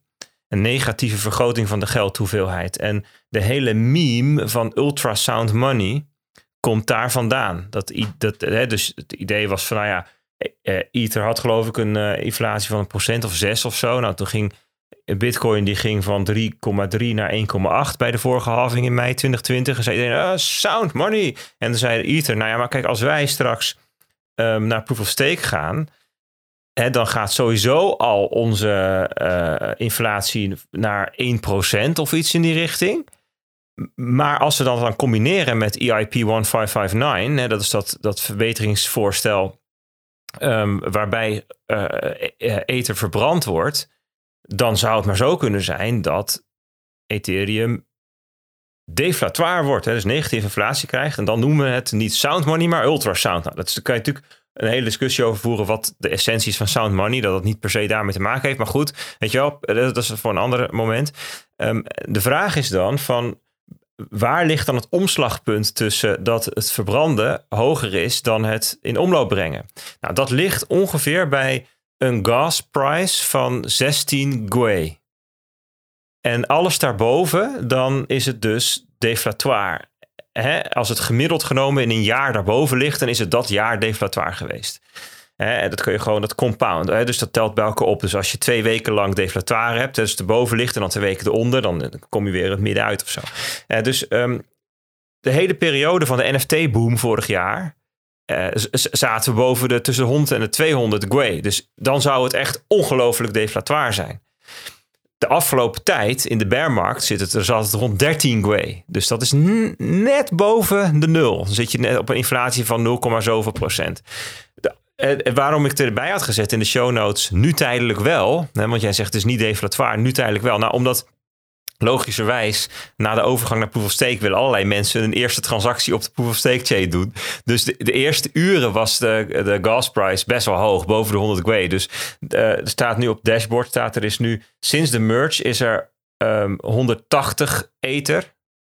Ehm, eh, is de supply 180 ether lager dan bij de merge. Dus de afgelopen, eh, sinds de merge is ether daadwerkelijk deflatoire. Dus er is nu minder ether dan bij de merge, omdat er meer verbrand wordt dan erbij is gekomen. Ja, maar, Maar- dan is de nuance dus dat, dat het in de basis, je hebt een vaste variant, die, of, of een vast, eh, vaste kosten eigenlijk, om het zo maar te zeggen, die zorgen voor inflatie. En inderdaad, dan heb je dus een variabele daartussen die kan zorgen voor of deflatie, of als die niet hoog genoeg is, eh, dat er alsnog inflatie is. En ik denk Ja. dat dat de nuance is die Ja. hier, die, die hier eh, belangrijk is Nou, te maken, inderdaad. Klopt, maar in het lijstje stond niet deflatoire. Toen dacht ik, nou, de nuance daarbij te maken is dat het dus misschien wel deflatoire is. En nu Ja. dus wel. Hè? Dus, de, dus ik, ik vond hem zeg maar te stellig de andere kant op. Ik, denk, dat we hem nu, ik denk dat we hem nu goed hebben. Nou ja, ik, ik, ik- het punt is als je gaat kijken naar de toekomst van Ethereum, dat er natuurlijk nog een hele discussie is over hoe gaan we schalen. En dat eh, onderdeel van eh, de hypothese dat Ethereum daadwerkelijk schaalbaar wordt, met tweede lagen en dergelijke, dat, je daar dat onderdeel, een gevolg daarvan is, dat de vraag naar de, naar de blockspace op de basislaag best laag is. En dat je dus misschien wel daardoor voor hele lange tijd of permanent ehm, lage vraag hebt naar blockspace, lage brandstofkosten en dus geen deflatie. En dus dus ehm, de, de, de Ethereans die zeggen ja, maar er komt vanzelf wel weer vraag. Dat zijn dezelfde mensen die zeggen en tegen die tijd hebben we ook schaalbaarheid gefixt. Ja, die twee kunnen niet samen gaan. Eh, Die, die, laat ik zo zeggen, die twee samen leiden niet tot deflatie. Dus dat, dat is een beetje is natuurlijk precies hetzelfde verhaal eh, met, met, met, met Bitcoin. Dat als je met Lightning en weet ik het allemaal second layer schaling opties hebt. En dan zeggen ze ja, maar goed, eh, die, die blokken komen wel vol. Ja, dat moeten we nog maar gaan zien tegen die tijd. En daar hangt bij Bitcoin natuurlijk van af dat we daarmee, als de, De subsidie wegvalt, dat we ja. miners willen gaan betalen. Dus dat is Ja. dezelfde soort eh, eh, discussie. Anyway, nou, laten we die. Ik ben nog wel benieuwd wat jij bedoelde met het andere punt wat je erbij had geschreven over de volle, Ja, minder dus- volle bloks. Ja, dus de, de, const, de blocktime die is nu veel constanter, hè, elke 12 seconden. En Want dat was namelijk bij, ehm, met mining is dat een eh, stochastisch proces. Dus gemiddeld kom je op 12 seconden uit. Maar het kan soms 1 seconde zijn en soms 40, weet je wel. Dat, is, dat, is, dat heeft te maken met ehm, het toevalsproces. En dat is bij Bitcoin ook. Je hebt soms drie blokken in een minuut en dan heb je 50 eh, minuten geen blok. En dat is nu weg. Dus je hebt nu echt behoorlijk strak op die 12 seconden een blok. Kan eens hè, door, door, door propagatie in het netwerk. En kan het eens een keertje wat, een, een- wat milliseconden verschillen. En soms mis je een blok en dan is het ineens 24 seconden. Dat zag je in dat grafiekje. En dat zorgt ervoor dat bij E- EIP 1559, hè, dat is dat protocol die op basis van de, de, de, hoe vol het afgelopen blok was, voorspelt wat, eh, of be- bepaalt, eh, deterministisch bepaalt wat de, ehm, de, de gas price, hè, dus de, de transactiekosten van het volgende blok gaan worden, die ehm, kan beter voorspellen. Omdat de, hoe vol een blok is, nu niet meer ehm, wisselt door langere bloktijden. Want als je ineens 50 seconden tussen twee blokken hebt, ja, dan zal het blok wat dan komt voller zitten. Omdat er dan meer mensen in de tussentijd natuurlijk transacties hebben gestuurd. En als er drie blokken heel snel achter elkaar zijn, dan heb je best kans die derde bijna leeg is. Ja, maar ja, weet je, in één keer konden we alles opdwijlen wat er in de mempool stond, zeg maar. En ehm, eh, eh, do- doordat het constanter is, werkt het, het algoritme dat voorspelt wat je moet gaan betalen in het volgende blok beter. Waardoor blokken minder snel vol zitten. En, en, ehm, en dat betekent dus ook in, die, in, de, in de gebruikersinteractie dat je voor je gevoel. Nee, dat, dat, dat je dus minder vaak eh, lang hoeft te wachten. En dat heeft enerzijds te maken met die blokken constant binnenkomen, maar ook omdat als, als jouw wallet, hè, bijvoorbeeld Metamask, suggereert je moet deze brandstofprijs nemen, dat het ook vaker klopt. Dat je ook vaker dan daadwerkelijk in, het volgende, in de volgende bus kunt plaatsnemen, om die analogie even te gebruiken. En dus dit zorgt wel, het zorgt misschien niet voor ehm, meer TPS, hè, dat zei Peter. Dat, dat, dat klopt natuurlijk, technisch klopt dat. Alleen de gebruikservaring wordt wel meer smooth als het goed is. Ja, we gaan het zien. We gaan het zien. Ja, dus dit is eventjes ehm, eh, hoe, hoe het ervoor staat. Ja, meer is er volgens mij op dit moment niet echt te zeggen. Nou, Eh, behalve dan ja, eh, ik- ik- ik dat wilde nog een wel- ding. Ik Ja. nog wel wat ehm, reflecties delen. Ja, ondertussen, nou, ik denk niet dat jullie de apparaat horen dat voor mijn huis bezig is. Nou, een beetje wel. Nou, beetje, ja, dan doe ik even mijn raam voeg- dicht, voeg- jongen. voeg- voeg- Voegt wat sfeer toe eh, op zich. Dat, dat En dan weer wel. Dan, heel, heel, even tussendoor, terwijl Peter dat doet. Ehm, we hebben het wel eens gehad over dat MEV, hè, dat Maximum Extractable Value. Ja, ja, ehm, van ehm TAP Flashbots. En dat, gaat, dat, dat, dat gebeurde bij het minen. En dat is dus nu ook ingebracht bij het steken. We hebben het gehad over Proposer Builder Separation. En dat is 16 epochen na de merge is dat aangezet. En nu gebruikt zo'n 5% van de validators dat. Dus ook dat wordt nu langzaam aangegeven. Ook in, nog in navolging tot jullie zeiden in het begin van ja, weet je, het, het, het, het- de merge is het begin en er kunnen nog allerlei dingen misgaan of ontsporen of dynamieken. Nou, dit is een van die dingen die dus nog aangezet wordt en ingeschakeld wordt. En eh, ja, en wat een best wel belangrijk onderdeel natuurlijk is van het hele proof of stake eh, idee. zeker. Nou, het, het, het, het, het is een heel belangrijk onderdeel van eh, de, negatieve, de negatieve dynamiek die kan ontstaan op een smart contracts platform oplossen. En Bitcoin heeft dit niet omdat de uitdrukkingskracht van de scripttaal onvoldoende is om die problemen te veroorzaken. Ja. Maar als je eh, zeg maar de smart contracts met de uitdrukkingskracht hebt van Ethereum en dus ook al die andere, dan krijg je dit en dat moet je oplossen. En dat, ja, als dat niet onderdeel is van je protocol, dan, ja, dan, dan ontstaan er weer centralisatiemogelijkheden en mogelijkheden om te censureren en weet je, dat soort dingen. Dus dit is inderdaad een heel belangrijk vraagstuk. Ja. Pedro, het raampje Ja. is dicht. Kinky stoeltje heb jij trouwens, zag ik. Wat is dat voor, eh, voor, voor unit? Ja, ik weet niet precies hoe die heet. Het is een. eh, oh shit. Nee, ik weet niet. Ik, het is, het is zo'n Deens of Zweeds merk, maar ik ben de naam vergeten. Ikea. nee, Nee, dit is geen Ikea stoeltje. Die ken Nee, ik namelijk wel. Nee. Die heb ik hier Ehm, staan. Dit is de Ikea unit. Eh, ja, wat ik wilde zeggen, ja, de, de, ehm, ik, ik, ik zit nog een klein beetje met de vraag. Met, ja, er zijn een aantal open vragen. Wat voor effect heeft dit op Bitcoin? En dan bedoel ik niet ehm, dat, ehm, dat Bitcoin hier technisch door geraakt wordt of zo. Dus het, zijn gewoon twee heel verschillende dingen, Ethereum en Bitcoin. Die verschillen zijn eigenlijk alleen maar groter geworden. Maar ehm, het heeft natuurlijk een politiek tintje, die overgang naar proof of stake. Het is niet zo per se dat Ethereum ehm, grootheden dat politiek maken. Nou. Maar dat heeft vooral te maken met de tijd waarin we leven. Hè? Dus eh, energieverbruik is een hot topic. Eh, en dat Ethereum met de overstap naar proof of stake ehm, tot 99,5% minder stroom verbruikt, wordt regelmatig genoemd. Hè? Dus men ziet dat. Dus die, eh, die, die Ethereum-grootheden die in die livestream zaten, die hebben dat ook een aantal keer benoemd. Men ziet dat als een groot voordeel van de overstap. Ja, en nu is het natuurlijk al zo dat het energieverbruik van Bitcoin regelmatig een thema is in de politiek. Hè? En een, een ja, logischerwijs een vector is waarop het wordt aangevallen.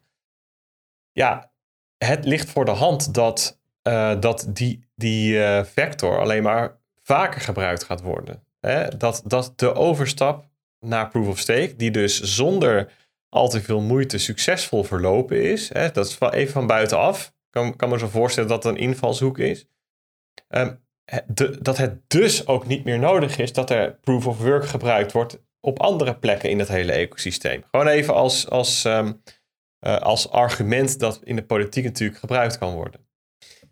Ehm, dat is niet per se iets waar ik naar uitkijk. En je ziet dat ook in eigenlijk alle gesprekken over de merge en alle artikelen die geschreven zijn, zeker buiten het cryptowereldje, dat alle nuances rondom de overstap naar proof of stake ehm, eigenlijk verloren gaan, überhaupt niet genoemd worden. Dus, dus wat, wat zijn nou de essentiële verschillen tussen proof of work en proof of stake? En uh, in hoeverre is dit experimenteel? Zeg maar, wanneer kun je de overstap naar proof of stake geslaagd noemen? Um, dat zijn discussies die als ze gevoerd worden best wel op de achtergrond leven. Nou, op Ehm, zich zie ik het wel langskomen hoor, Peet. Maar dan, is het, dan wordt het afgedaan in, in de laatste alinea met... Of het goed gaat, moeten we nog maar zien. Het wordt vaak vergeleken met het verwisselen van motoren van een vliegtuig... terwijl je aan het vliegen bent. Mhm. We gaan het bekijken, weet je wel. Een beetje zo'n... Nog even van, oké, nou ja, weet je, we noemen nog even dat het technisch moeilijk is... maar we gaan er inderdaad verder niet echt ver op in of zo. Dat, eh, Hè, en en ehm, dat, dat is wat ik bedoel met dat het, dat het ja, het zijn meer ehm, eh, kanttekeningen, zeg maar. En, niet, het is niet echt, echt onderwerp van het gesprek. Ehm, ja, en wat, wat doet dit als afgeleide daarvan met de nadruk die we, die we zeg maar even, als, als cryptowereld leggen op het belang van decentralisatie? Ik hoor dat in de gesprekken, ook in die livestreams, niet heel vaak terugkomen.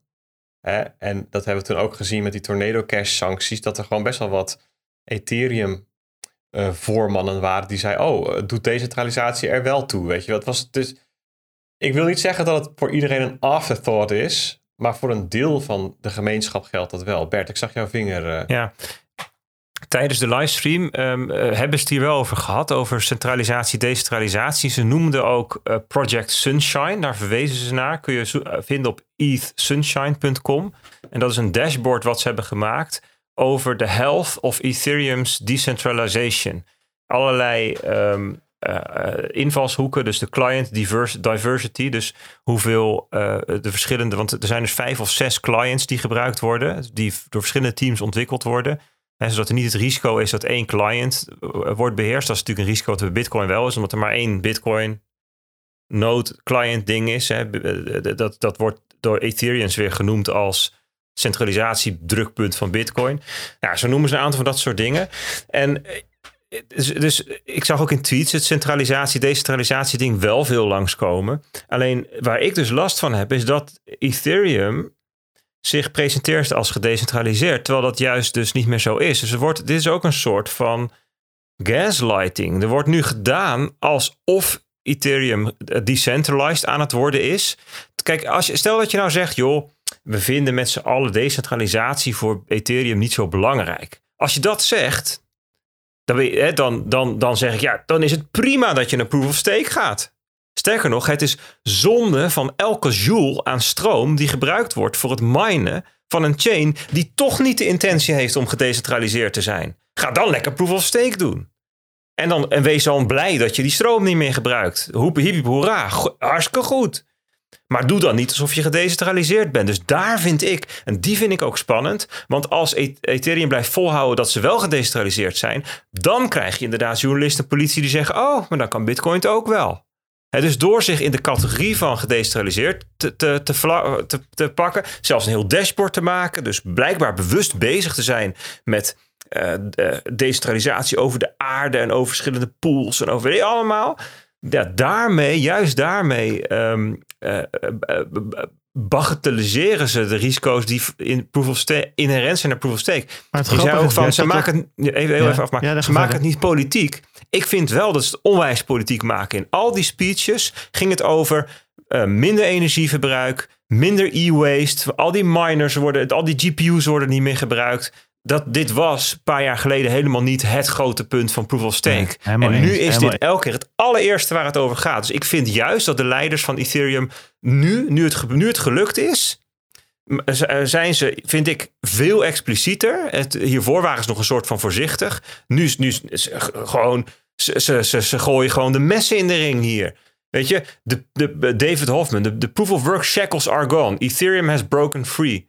Um, Ryan Adams, uh, we are, we are the, the shedding, well, with the shedding of proof of work, Ethereum is fully charting on its own course. Inspired by, yet distinct from Bitcoin. From here on uh, out, Ethereum is no longer living in Bitcoin's shadow. Little brother is all grown up. Weet je, het is echt, ja, ik... uh, Ja, ik ben het er wel mee eens. Je zou dit ook gewoon als, als neutrale observa- observaties kunnen zien. Hè? Dus eh, het is feitelijk zo dat energieverbruik na- naar beneden gaat en dat e-waste vermindert enzovoort. Eh, dat, dat hoeven niet direct politieke uitspraken te zijn. Ja, maar ik ben het wel ik- met je eens Ja. dat ehm, ehm, als je dat zo allemaal op een rijtje zet, dat daar een bepaalde insteek achter Ja, schuilt. maar- de andere kant is, een Vitalik zegt wel op Twitter van joh, ehm, ik ben het niet eens met jullie consensusmechanismes gericht aan Bitcoin, maar ik zal vechten voor jullie recht om ermee consensus te bereiken. Ja, maar Vitalik is natuurlijk wel een, een, een vreemde eend in de bijt. Maar het zou anders zijn, Peter, als hij zegt: het is belangrijk dat er tenminste één proof of work chain wereldwijd is. Dat, dat, dat, dat zegt hij niet. Hij Ja, zegt: dat, ja, dat ik- vinden ze dus ook niet. Nee. Maar toch, ik vind wel dat Bert net de, de spijker op zijn kop slaat. Want je, natuurlijk mag je zeggen dat, dat ehm, de feitelijke observatie doen of kleur het nog een beetje hoe je het wil. eh, over dat energieverbruik. Alleen het ding is, dat was natuurlijk nooit eh, het hele idee achter proof of stake. Dat, dat, dat zat veel meer te maken met het hele, ehm, hoe noem je dat, sharding en transactie en, eh, en fees. En daar ging het altijd over. En nu, als ik dan, eh, vanochtend hadden ze een een of ander hype filmpje gemaakt om te laten zien. Hadden ze het opeens over een green utopia without mining. En weet ik het, het is echt compleet prullenbak ingeschopt. Op het moment dat het duidelijk was dat er no way back was. Dus dat er ook eigenlijk geen eh, opportunity cost meer waren om het niet te doen. En toen hebben ze echt een marketingpunt van gemaakt. En fair enough.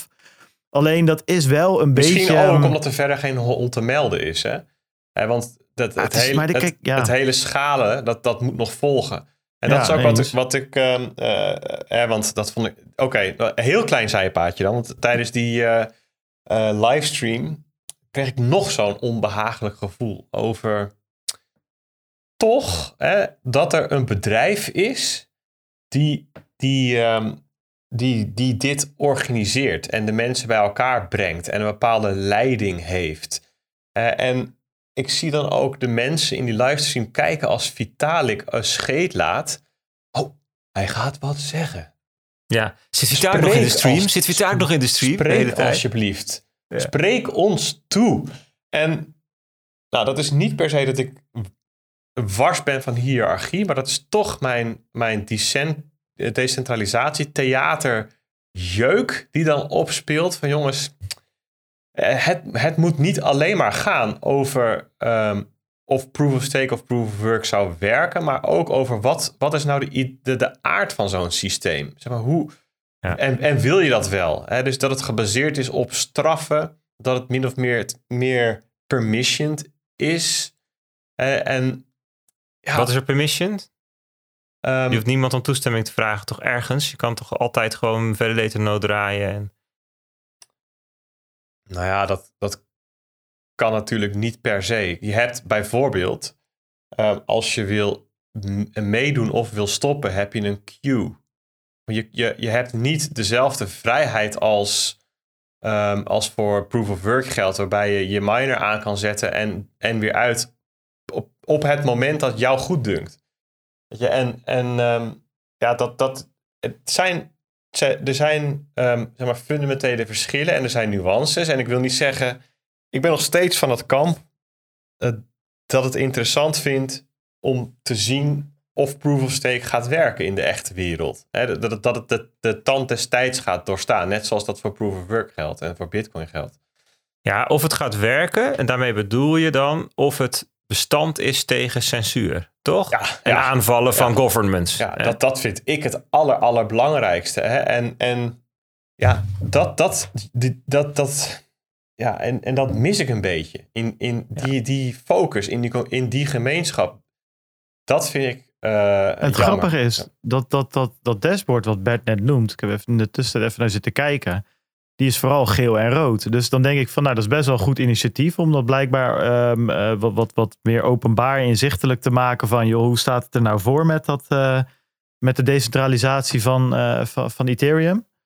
Eh, maar als ik dan die call ja, kijk, en ik snap het ook wel. Kijk, in die call mag ook best even over de merge gaan. Er is ook heel veel werk in gestoken. Dat was ook allemaal super complex. En als het dan live gaat, dan mag je ook best wel even juichen. Weet je, we gaan natuurlijk ook niet, als er een bitcoin halving is, de hele tijd gaan lopen janken over een een of andere hard fork die er misschien ooit nog eens aan zit te komen of zo. Of eh, de, de, de, de block subsidy die wegvalt. Dat doen we later dan wel weer. Dus dat snap ik op zich wel. Maar ik sluit me wel helemaal bij Peet eh, ook, ook aan dat dit, ja, het is het, ja. En maar aan de andere kant, ja, je, je, je wil natuurlijk als community overleven. Ja, kijk, en als je op dit moment de sustainability stok hebt om mee te slaan. Ja, dan kan je wel een verdomd harde tikken Ja. mee uitdelen op dit, op, dat, Ja. op dit moment. Weet je, dat is Klopt. natuurlijk wel zo. Dus ja, zouden bitcoiners dat andersom niet doen?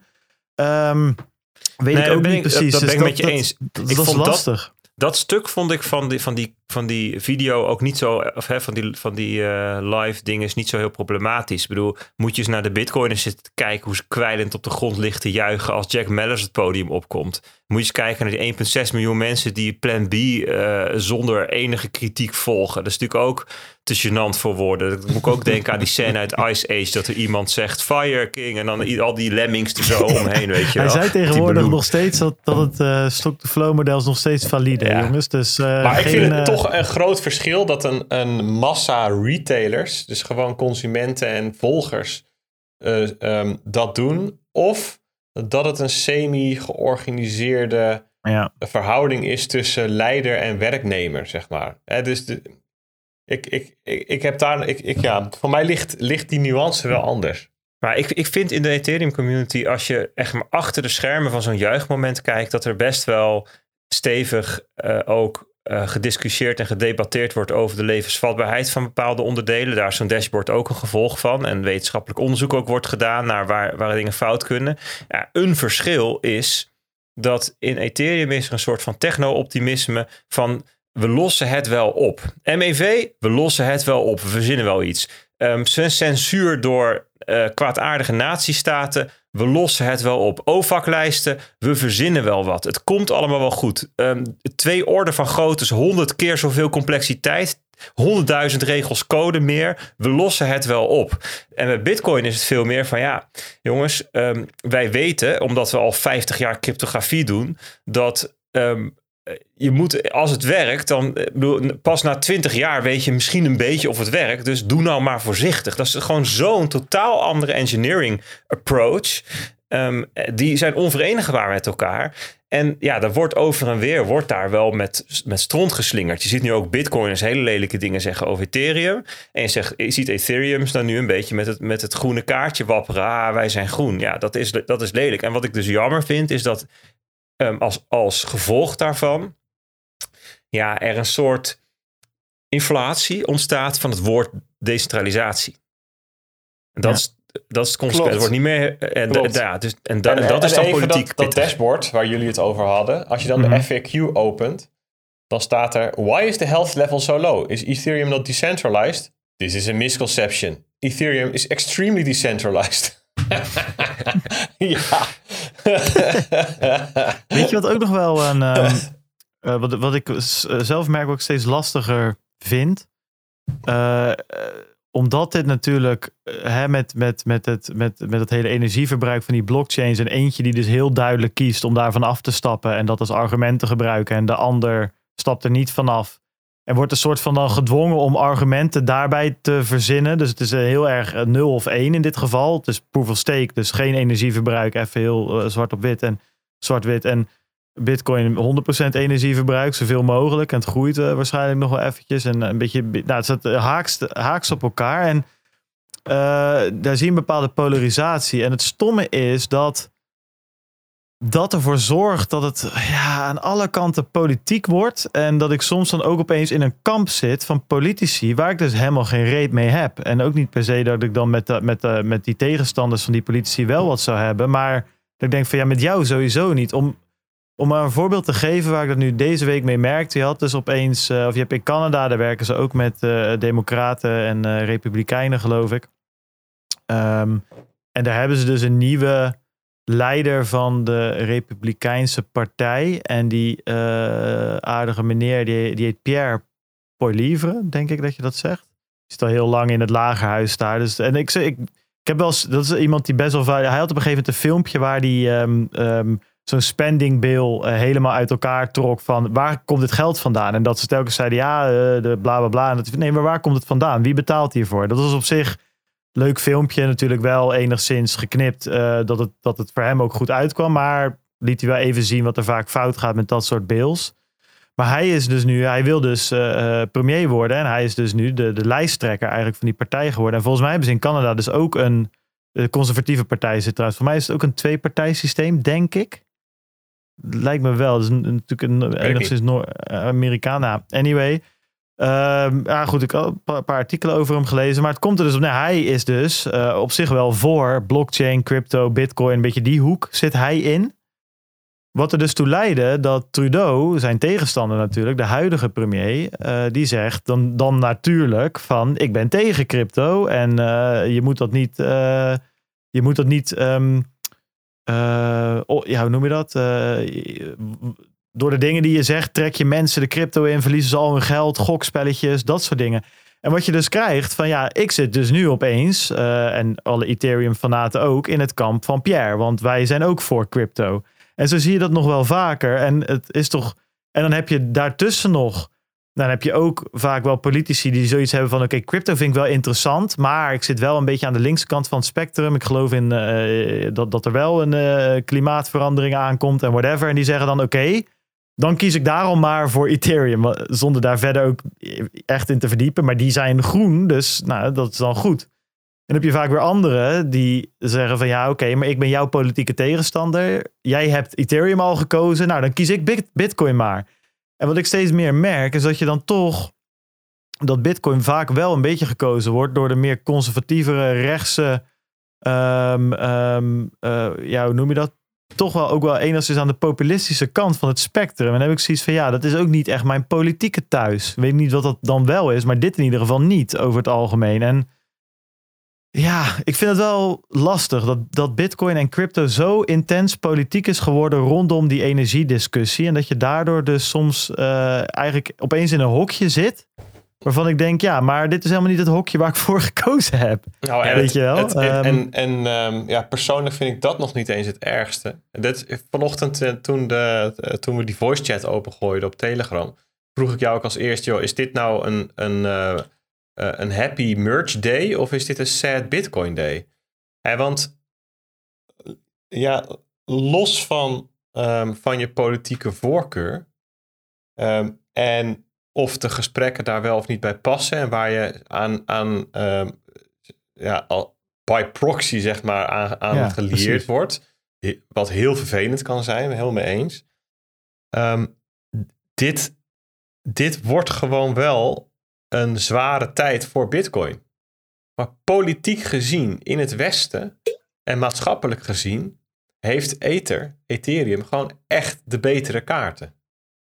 Eh, en ik zie dit wel als een moment waarop ehm, ja, het vuur aan de schenen van Bitcoin, dat wordt echt even flink aangewakkerd, denk ik, de komende 1, 2, 3 jaar. En ehm, het is maar echt de vraag in hoeverre ehm, ja, Bitcoin dat kan doorstaan. Daar, daar, daar moeten gewoon wel allerlei puzzelstukjes in elkaar gaan vallen, wil dat het geval zijn. Hè? En dan moeten er dus wel dingen gebeuren dat ook vanuit de Ethereum community het belang van proof of work wordt verdedigd. Bijvoorbeeld. En er moeten voldoende politici zijn die dat begrijpen. Die, er moet genuanceerde gesprek over gevoerd worden. Er moet in de media moet daar een bepaalde balans in aangebracht worden. Eh, ik zie dat mm, ehm, ook gezien de professionaliteit van de, de, de, de educatie of organisaties gericht zijn op educatie en, publieke opinie, public affairs, lobby. Dat, dat is nog niet per se je van het. Hè. Er, gaat, er gaat vooral heel veel geld naar ehm, het kunnen gokken en speculeren op waardestijging. En, nog, en, en ja, gewoon als je kijkt naar welk deel van al het geld dat rondgaat in de crypto-gemeenschap gaat naar het voorkomen dat die um, crypto-gemeenschap over een paar jaar niet meer bestaat, dan is dat best wel heel klein. Wat, Mhm. ja, wat, wat best gek is. En dat, dat ja, nou ja, dus... dus, maar, dus maar, maar bitcoiners zouden daarop, wil ik jou wel eens voorleggen, ben benieuwd hoe je daar, de bitcoiners zeggen van bitcoin heeft dat niet nodig. Weet je wel, TikTok, eh next block, 10 minuten, eh, chugging on. Ik Ja. heb er ook wel mijn ideeën over, maar dat is, ja, dat is natuurlijk wat er vaak, vaak gezegd wordt. Van ja, het, het staat daar gewoon los van. En ehm, Ja, ik, Ja. I, I call bullshit. Ja. Ja, dus dus eh, Bitcoin heeft dat nodig om te, om te blijven bestaan. En dus, dus wil Bitcoin ehm, worden wat het beoogt, hè, dus, dus wijdverbreid in, in gebruik genomen worden, eh, en, en kunnen voldoen aan zijn eigen uitgifteschema en veilig blijven, ja, dan, dan is het dus nodig ehm, dat die adoptie blijft toenemen. Het, dat- dat punt eh, hebben we nog lang niet bereikt. Dat je kunt spreken van, nou, ehm, het, het is qua gebruik ehm, nu zo in de maatschappij verankerd, dat er eigenlijk weinig zorgen meer bestaan rondom eh, het uitschriftenschema van, van eh, eh, eh, dat, dat nu gebruikt wordt, de, de veiligheid van het netwerk en de toepassingen van Bitcoin in de echte wereld. Ja, en, en natuurlijk op korte termijn, hè, dus in de VS verbod op proof of work, in Europa verbod op proof of work. Ja, je kunt het gewoon nog gebruiken. Je hebt je nootje in je, in je gangkast hangen. Eh, prima. Hè, maar ja, eh, de, de vraag is wat er van overblijft. Maar goed, ja, dat, dat, dat, ehm, dat, dat wij daar op deze manier tegen aankijken, dat mag geen verrassing zijn. En hier hebben we het regelmatig over gehad. Ja, Eh, eh, en en ehm, ik Ja. denk dat wel, dit wel het, het, re- het scenario wat je schetst, vind ik niet onrealistisch. Maar wel, het zit wel aan de, eh, aan de, aan, aan de eh, als je kijkt, zeg maar, worst case, best case scenario, zit dit wel al redelijk eh, ver op het richting het extreme worst case scenario. Ik denk wel dat er ook wel wat positieve dingen gebeuren waar op zich. Ehm, Ah, er, Eh, zijn wel, nou- er, er zijn wel allerlei manieren ehm, hè, waarop het bestaan van proof of... Hè, dus dat, dat het karakter van Bitcoin niet verloren gaat. Ehm, maar het is, dat is zeker geen walk in the park. Verre van. Nee. Eh, en ik denk dat het, dat, dat het een wat de wandeling een stuk moeilijker wordt. Gegeven deze merge. En de overgang naar proof of stake. Zelfs al zou de eh, Ethereum community ehm, niet per se expres die wandeling moeilijker willen maken. Nee, maar dit is wel. Kijk, om een voorbeeld te geven. Dit is er wel even van uitgaande dat dit werkt en blijft werken. Ik bedoel, ja, het kan natuurlijk ook zomaar zijn dat er dus echt iets breekt of gewoon niet blijkt te werken. eh, waardoor we er eigenlijk op komen van dat proof of stake dus eigenlijk een mislukt experiment wordt. Ja, goed, dat verandert de zaak natuurlijk wel enigszins. En we hoeven daar nu niet op te speculeren wat er wel gaat gebeuren en niet gaat gebeuren. Maar er zijn dus natuurlijk wel verschillende dingen waar je denk ik rekening mee moet houden. Die wel heel erg de, ook de publieke opinie richting moet ik zeggen, dus ik meteen wel te denken, wat zou er gebeuren? Stel dat proof of stake breekt, ja, dan is de publieke opinie denk ik, oké, proof of work gebruikt te veel energie, proof of stake werkt niet. Laat het hele, het hele experiment, crypto is gefaald, zeg maar, gewoon als complete industrie, Ja. complete Nou, technologie. het, het, het, het lastige is dat voor heel veel van de, eh, van de nuances eh, best snel en goed uit te leggen is wat het verschil is tussen proof of stake en, en proof of het verschil van karakter is tussen Ethereum en Bitcoin en waarom het verstandig zou zijn ehm, eh, om dat niet in de weg te zitten. Maar voor energieverbruik hebben we dat nog niet echt voor elkaar. Het is, het is gewoon, het is zo ontzettend asymmetrisch. Hè? Dus, dus het hoge energieverbruik in de context van, een, van klimaatverandering en het minderen en de transitie enzovoort. Ehm, het, het ontbreken van een direct nut in veel ogen van mensen die in het Westen leven. Ehm, om dan nog uit te leggen wat de functie van het energieverbruik is. Ja, dat is. Ja, ik heb daar zelf dus nog niet een, een, ehm, eh, een, een goede manier voor gevonden. Om dat, eh, in, eh, om dat zo te doen dat, dat mensen aangehaakt blijven. Hè, dus Nee, helemaal eens. dat, dat, dat, dat is haast gewoon een, ehm, ja, een, soort lecture die je moet bijwonen. Wil je dan dat het kwartje valt en, de- en dat je dan weet, oh ja, oké, dan is het belangrijk dat we, dat, we, dat we Bitcoin de tijd geven om uit te vinden op welke manieren die, eh, die beloftes eh, waargemaakt gaan worden. Ja, en ehm, ja, eh, dus, dus ja, omdat we dat, dat nog niet hebben, we hebben dat andere verhaal dus nog niet echt. Ehm, maar het politiek wel een, een heel gepolariseerd en urgent thema is. En deze merge nu daaraan toegevoegd wordt, waarvan we wisten dat die kwam. Hè. Ehm, ja, neig ik niet per se naar. ik, ben ik niet heel optimistisch daarover. Ik, ik zal mijn best, ik ga mijn best doen om, ehm, ehm, om dat karakter van Bitcoin te behouden. Hè, zolang het het meest gedecentral- de- gedecentraliseerde eh, goed is dat we hebben. Ehm, maar, maar in hoeverre eh, ja, het echt opgewassen is tegen de krachten die daar dan op inspelen. Ja, en het is ook gewoon lastig. Ik ben, ik ben ik- helemaal, dit, je slaat echt de spijker op zijn kop.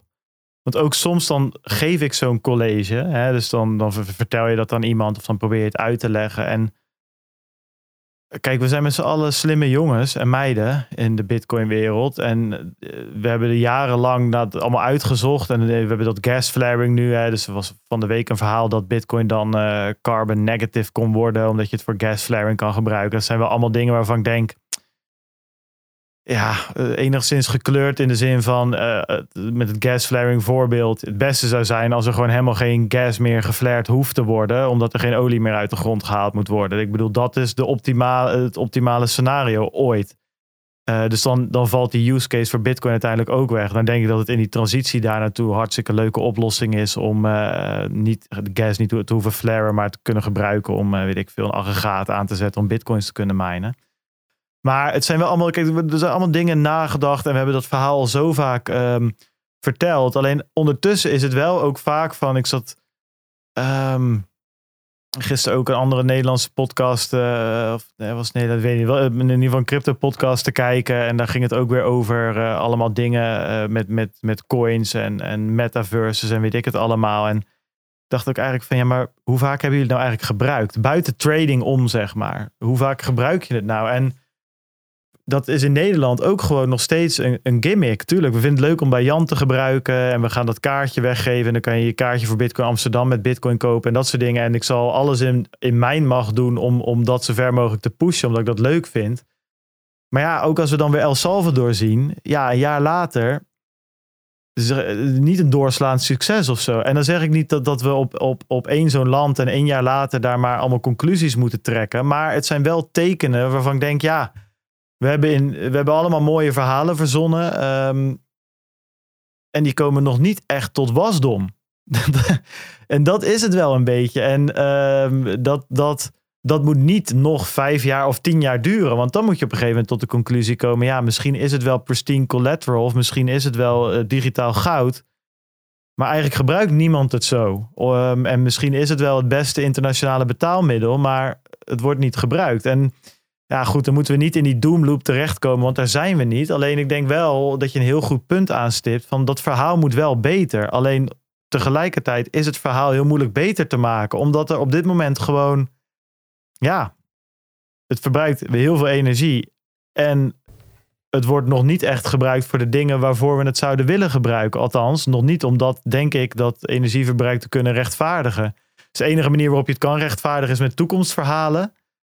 Maar ja, hoe lang kunnen toekomstverhalen waardevol blijven uh, als ze niet materialiseren in het heden? En ja, goed, dat is, ben ik helemaal met je eens. Dat vind ik soms echt lastig. Um, nou, gelukkig, weet je, hebben we nog wel wat tijd daarvoor. Maar wat ik zeg, ja, als ik heb voor mezelf elke keer ja, nog vijf jaar erbij. En dan moeten we toch wel eens even gaan kijken van ja, zijn we nou echt vijf jaar verder? Ook gewoon in, in adoptie? Zo ja, nou ja, prima. Zo nee, ja, dan... Nou ja, kijk, ik, kijk, ik, vind, ja. um, ik vind dat er ook nu al echt voldoende redenen zijn om, uh, om een, uh, een grote hoeveelheid stroom gebruik daarvan te rechtvaardigen hoor. alleen um, het vereist wel dat je vrij het vereist nieuwsgierigheid en een, en een, en een open geest. En dat je als toehoorder, als luisteraar, als politicus, als bestuurder. Um, uh, je niet te veel vastklampt aan alle vooroordelen die er zijn. Welke redenen denk je dan aan? Nou, dan denk ik bijvoorbeeld aan de, aan de rol van Bitcoin in conflict situaties. Uh, en dat, dat hè, dus, dus um, het zijn van een, een, uh, van een, currency of last resort. Die functie heeft Bitcoin gewoon concreet in de echte wereld. En heel eerlijk, dat zijn vaak heel kwetsbare mensen. Ja. Um, ja, en, en ja, die help ik graag op die manier. Ja. Uh, en uh, ik denk dat er op dit moment geen betere kandidaat daarvoor is dan Bitcoin. en, en ja, ook die functie is afhankelijk van het gebruik van, van die stroom. Uh, en um, ja, je, zult, maar, maar dat dat dan noodzakelijk is en hoe dat precies werkt, hoe die technologie zit en, en hoe die game theory daaromheen dan zijn ding doet en zo, ja.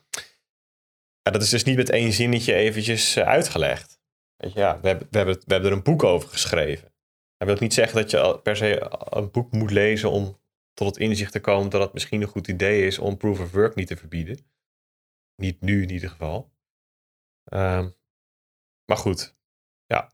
Nou, dus, ja, dus, dus ik, het is, misschien ik, ook een ik, beetje. Ik ben de... niet, um, ik zit dus niet in het. Um, uh, ik, ik, maak mezelf. Nee, ik, ik heb geen moeite met het bestaan van proof of work of Bitcoin, ook niet in het nu zeg. Hè? En, en ik denk dat met de komst van CBDC's, het, het, bestaan van een optie is mij heel veel waard. Hè? Dat mag mij mag van mij echt wel veel, veel kosten. het het um, disciplineren van, van aanpalende financiële systemen. Ja, ik, ik heb nu twee, drie dingen genoemd. Ja, voor mij is het al, is het al lang uh, de, de moeite en de energie waard. Ja, maar ik kan me ook wel voorstellen, en dat was meer ook een beetje mijn punt, dat heel veel mensen daar minder waarde aan hechten. En dat kan ik op zich respecteren. Ik sta er zelf anders in. Ik denk inderdaad, die optionaliteit is, is, is heel goed. En ik denk dat dat zeker iets compleet decentraals, wat gewoon op zichzelf leeft en waar niemand echt de baas over is, dat, dat vind ik ook fantastisch om gewoon überhaupt te kijken hoe dat gaat werken. En, en dat heeft gewoon bepaalde bijna hedging-achtige kwaliteiten ten opzichte van alle systemen die we voor de rest hebben.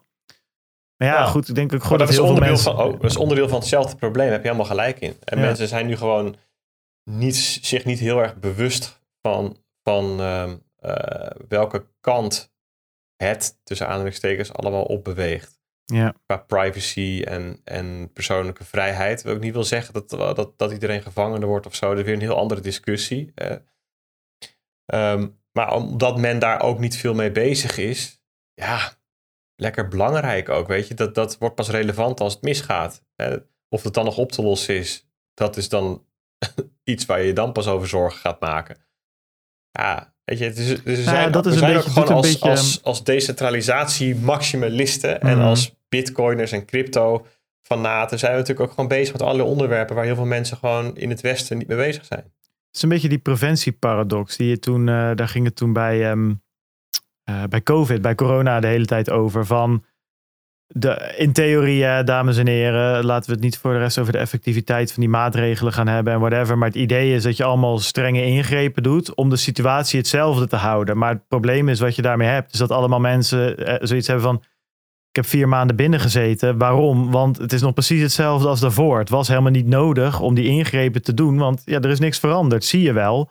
Terwijl dan natuurlijk het idee is dat door die ingreep is alles hetzelfde gebleven. En dat, dat gevoel heb ik ook een beetje bij Bitcoin. Dat iedereen zegt van ja, het energieverbruik, waarom eigenlijk? Het gaat toch goed, weet je wel. Ja, totdat je het op een gegeven moment wel nodig hebt. En dat is een beetje wat in dat Vitalik stuk wat hij toen op 1 april heeft geschreven. Is van, ja, Bitcoin is geen zaklamp met verschillende kleuren en verschillende batterijen erin en, en een leuke vorm en, en dat je hem grappig vast kan houden en dat die wat, waterproof is en whatever. Nee, Bitcoin is een zaklamp die licht geeft op het moment dat je oog in oog staat met een enorm enge grote spin van 17 meter.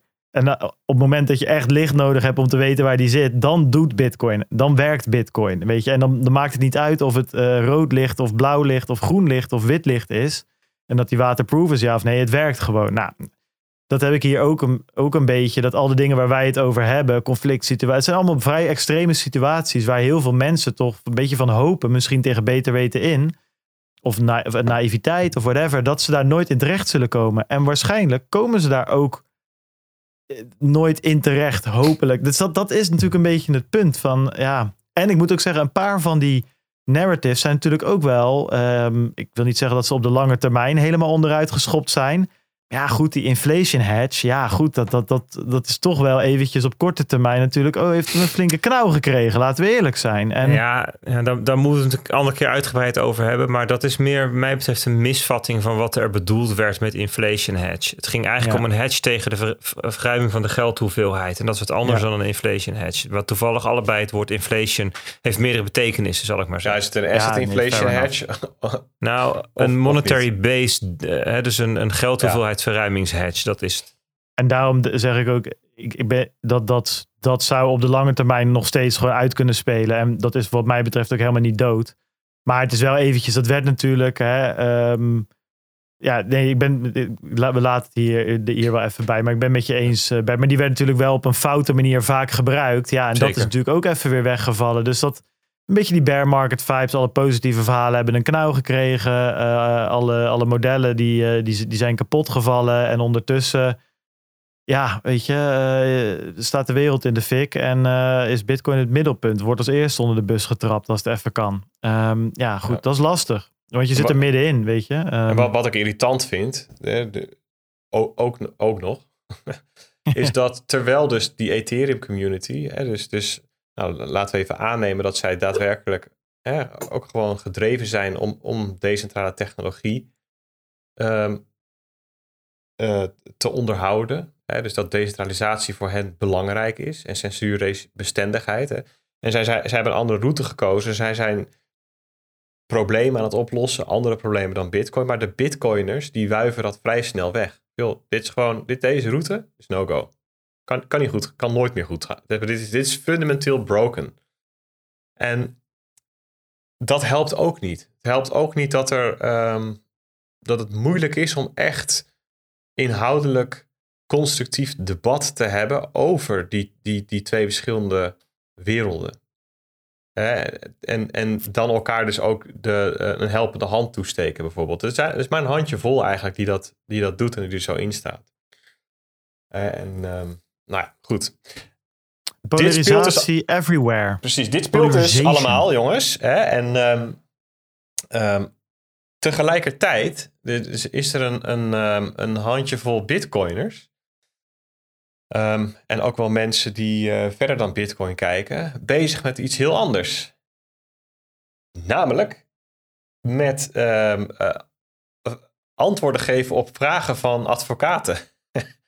Ja, we gaan hem, nog, we gaan hem ja, gewoon nog even doen. Ja, oké. Okay. Deze pakken we inderdaad. Dit, dit, dit, dit, is gewoon... Jongens, echt even een licht item. Althans, ja, zo licht is het ook. Nee. nee, ja. Oké, okay. Crack Ride versus Hotlonout in Noorwegen. Dus we hebben het over de man die zich voordoet als Satoshi. Versus een, ehm, ja, toch wel een, eh, iemand die een heldenstatus heeft bereikt. Zeker in de tijd van de Lightning Torch. En nu dat hij zich in zijn eentje, ja, eh, toch, toch genoodzaakt ziet om Craig Wright aan te vechten. De man met negen advocaten achter zich. En zo ziet het er ook een beetje uit in die rechtszaal. David tegen Goliath. Dus Hoddernaut die heeft twee advocaten. En CSW die heeft een hele huishouding. Ook. En dan loopt er nog BBC loopt er achteraan. Die neemt een, een documentaire op. Het is een hele, hele hofhouding van, van mensen om Craig Wright heen. Eh, en dat is het sneuien ook. Die allemaal als doel hebben om ofwel in beeld te brengen wat die man allemaal uitkraamt. Ofwel soort recht te praten wat hij allemaal uitgekraamd heeft. Ehm, nou, en, en op de, die, die rechtszaak die is nu op de vierde dag. Zijn drie dagen geweest. Het moet geloof ik zeven dagen duren. Op dag één heeft, eh, de, hebben de advocaten van Hoddernout ehm, zijn kant van het verhaal gepresenteerd. En op dag twee waren het de advocaten van Craig Wright die datzelfde deden. Gisteren, dus dag drie, was een ondervraging. Cross-examination van Hoddernout en, en, en Craig Wright. En de dag die nu aan de gang is, worden getuigen gehoord. En geloof de eerste helft van de dag waren het getuigen die opgeroepen waren door Hoddernout. En straks komen die van Craig Wright. Ja, en ik probeer het te volgen. Ik heb een Twitterlijstje gemaakt met mensen die daarbij zijn en tweeten. En dat gebeurt goed. Dus het is best goed te volgen, ondanks dat er geen livestream is. Ehm, en mijn indruk is een beetje dat elke keer als Craig Wright aan het woord is, is hij ofwel waar het over gaat, is hij min of meer vergeten. Ofwel het bewijs dat wordt ingebracht, dat noemt hij nep. Wat, wat wel ironisch is, want hij is degene die het meeste bewijs vervalst. Ehm, en er zijn wat fragmentjes op Twitter langsgekomen. Dat is wel geinig om even te laten horen. Ja, dus op een gegeven moment ehm, vroeg de rechter, die stelde een soort van de, de one million dollar question van joh, ehm, is het niet gewoon makkelijker om dat tekenen even uit te voeren in plaats van dat je jaren in allerlei jurisdicties, in rechtszalen bezig bent met, ja, met wat precies wisten ze ook niet, maar wa- waarom niet gewoon tekenen? Ja, wat bedoel je met tekenen? Ja, met het, met het, ehm, het, het, het Even voor de mensen thuis. precies het, het, het, het gebruik van de private key. Om daar een handtekening mee te genereren waarmee je bewijst je bezit de private key. Waarvan wij met z'n allen aannemen dat dat de private key van Satoshi Nakamoto is. Ja, en de public key die daarbij hoort. Ehm, welke van de fragmentjes is dit, Peet? Zijn doel of eh, het zijn ook een soort van... eh, Oh, hoofd- dat is, waar, dat, dat is waar, ja. Ehm, nee, dat is, eh, dat, dat is de, het is gewoon moeilijker. Ja, ja, ja, oké, ik zet hem aan. Just help me understand why proving in that way. I, I understand what you're saying that writing with an, uh, a signature is not proving identity. I, I understand your point. Why is that harder for you to do than whatever it is you're going through here and in other court cases? it's not emotionally difficult. I mean, it, it was, but it's harder um, to do. dat is het antwoord. Het is gewoon moeilijker. Waarom is het moeilijker? Omdat het moeilijker is. Ja, vind ik... Beetje ja. Rabobankachtige eh, teksten zijn dit. Br- briljant antwoord. Je hoort ook die rechter, hè? Whatever it is you do. ja, nou ja. En in, in een van de andere eh, fragmenten zag ik eh langskomen. Eigenlijk, ja, hij heeft het wel vaker gezegd, maar hier kwam hij nog een keer eh, aan het. Hij kwam aan het woord en, en zegt niet. Hè, het was niet een, een vraag die aan hem gesteld werd van, joh, wat is nou eigenlijk je doel? Ehm, maar, maar precies met wat hij zegt in het fragmentje dat we nu gaan laten horen, ehm, lijkt wel, en men neemt aan, dat dat zijn doel is. I want to make sure that judges and courts understand that Bitcoin is not encrypted and it can be seized, frozen, and accessed under a court order. Ja, en ja, ik, ik, ik heb een beetje proberen te achterhalen waar in het, ges, eh, in het ges- vraaggesprek dit dan plaatsvond. Het lastige is dat eh, hij geeft zelden echt antwoord op de vraag die hem gesteld wordt. Dus er is niet per se een directe aanleiding voor, voor deze uitspraak. Hè, maar hij, hij wil dit op zoveel mogelijk plekken roepen. Hij, hij wil de wereld en nou ja, de rechterlijke macht en, en advocaten ervan overtuigen ehm, dat wat hem toebehoort, dus aanhalingstekens, wat niet zo is, dat dat aan hem gegeven kan worden. Hè? Want Bitcoin ehm, moet, moet zich ook onderwerpen aan een gerechtelijke uitspraak. Ehm, nou, dan nog even iets, iets geinigs. Ehm, ja, dit gaat over. ehm, op een gegeven moment gaat het over een mailtje. ehm, dat geschreven is door. ehm nou, ben ik de naam vergeten. Kleiman, Eh, toch? voor- Door Kleiman. En ehm, ja, ehm, daar heeft Craig Wright ook even over. En het is best wel grappig om even te luisteren naar hoe dat gesprek verloopt. This was set up the day before. Um, if you read it, it's written terribly. Um, I So had just this, been. Is this something you wrote the day before you set up the actual trust? Is that what you're saying? Um, before I started setting up the actual trust, yes, it took a little while because of corporate processes. When I wrote this, I was totally drunk. So you have written this. I read, yes, I was completely drunk. I drank three bottles of wine. I'd just been served with a bankruptcy notice. Okay, because it's it's it seems to be sort of sent from Dave Kleiman. If you look at page 286.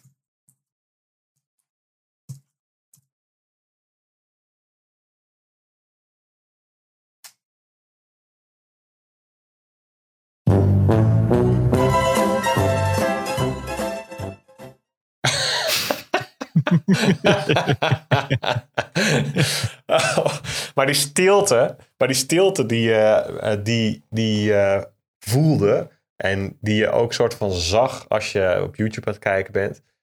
Ja, die werd dus ook in die rechtszaal gevoeld. Hij zat daar letterlijk gewoon met mond vol tanden. Er wordt dus een mailtje besproken en dat was dus niet direct duidelijk van Kleiman. Die Kleiman geschreven heeft en Craig Wright die praat erover alsof hij hem zelf opgeschreven heeft toen Ja, hij dronken was ook nog. Inclusief een hele... Hier komt een soort van fantasie er, erbij. Nog echt typisch eigenlijk wat er elke keer gebeurt. Ja, maar goed, het is natuurlijk ook wel een beetje sneu voor woorden. Ik, ik, ik, zei, ik weet niet of het gisteren of eergisteren was ik het gebeurd. Moet je nou voorstellen, gewoon tientallen mensen, weet je, wel, goed betaalde, dure mensen, slimme mensen zijn nou bezig met dit geneuzel in Noorwegen. Met, Nou, met, de- ja. met Nou ja, deze... je, zou, je, zou, je zou rechter zijn, weet je wel. Dan krijg je dit opeens voor je neus. En het- denk je ja, dan ook van, wat voor is wereldje dus- is dat? dat dit kan, is dus ook gewoon omdat hij gewoon de wereld rondgaat en elke keer weer nieuwe mensen tegenkomt die ingewijd moeten worden in, in zijn geleuter. En eigenlijk is elke keer gewoon te weinig tijd om echt goed zicht te krijgen op het hele web van leugens, Ja. weet je wel. En, en dan komt hij er nog mee weg ook. Weet je, dat, dat, is, dat is hoe het gaat. En dat is waarom dit gewoon nog steeds werkt. En dat is wel echt sneu. Maar Ja. dat, eigenlijk wil ik gewoon even eh, terug met de aandacht naar het vorige video. Dat was wel grappig. En dat maakt dit uit een beetje licht. En geschikt om deze show mee af te sluiten. Ja, denk ik ook. Denk ik ook. Eh, ja, hebben we die nog even gehad? Ehm, ja, ja, we hebben het gehad. Ja, ja, lekker gewoon even ouderwets filosoferen over van alles en nog wat. Eh, En met, de, met als aanleiding de Ethereum merge. Ik heb ervan genoten. Dus ik hoop dat het thuis ook een beetje over is gekomen. En we volgende week weer, ehm, ja, gaat weer anders doen. Doen weer wat nieuwtjes of zo, weet je wel. Het is elke week, eh, je moet het een beetje, eh, je, je, moet, er- je, je moet er een beetje in blijven variëren. Een gevarieerd dieet houdt je op de been. Zijn mijn eh, over, overgrote hopen altijd. Prachtig, dank je man. Dat kan Ik ik zat wel zien denken, eh, rijmde die nog? Eh, nee, Ja. dat deed hij niet. Rijmen deed mijn opa niet. Dat eh, was te moeilijk. Hey, ehm, thanks jongens. Toch weer voor de dik 2,5 uur die, eh, die jullie eh, eh, ja, uit jullie drukke schema's hebben gehaald om, om een uitzendingje te vullen. Jullie allemaal bedankt voor het luisteren. Vind je de podcast leuk? Join onze Telegram groep. Volg ons op Twitter. Je kent het allemaal wel. De links staan op www.stoshiradio.nl Ehm Ja, en dan graag tot volgende week. Thanks voor het luisteren. Later. Joe. Adios. Yo. Tot volgende week.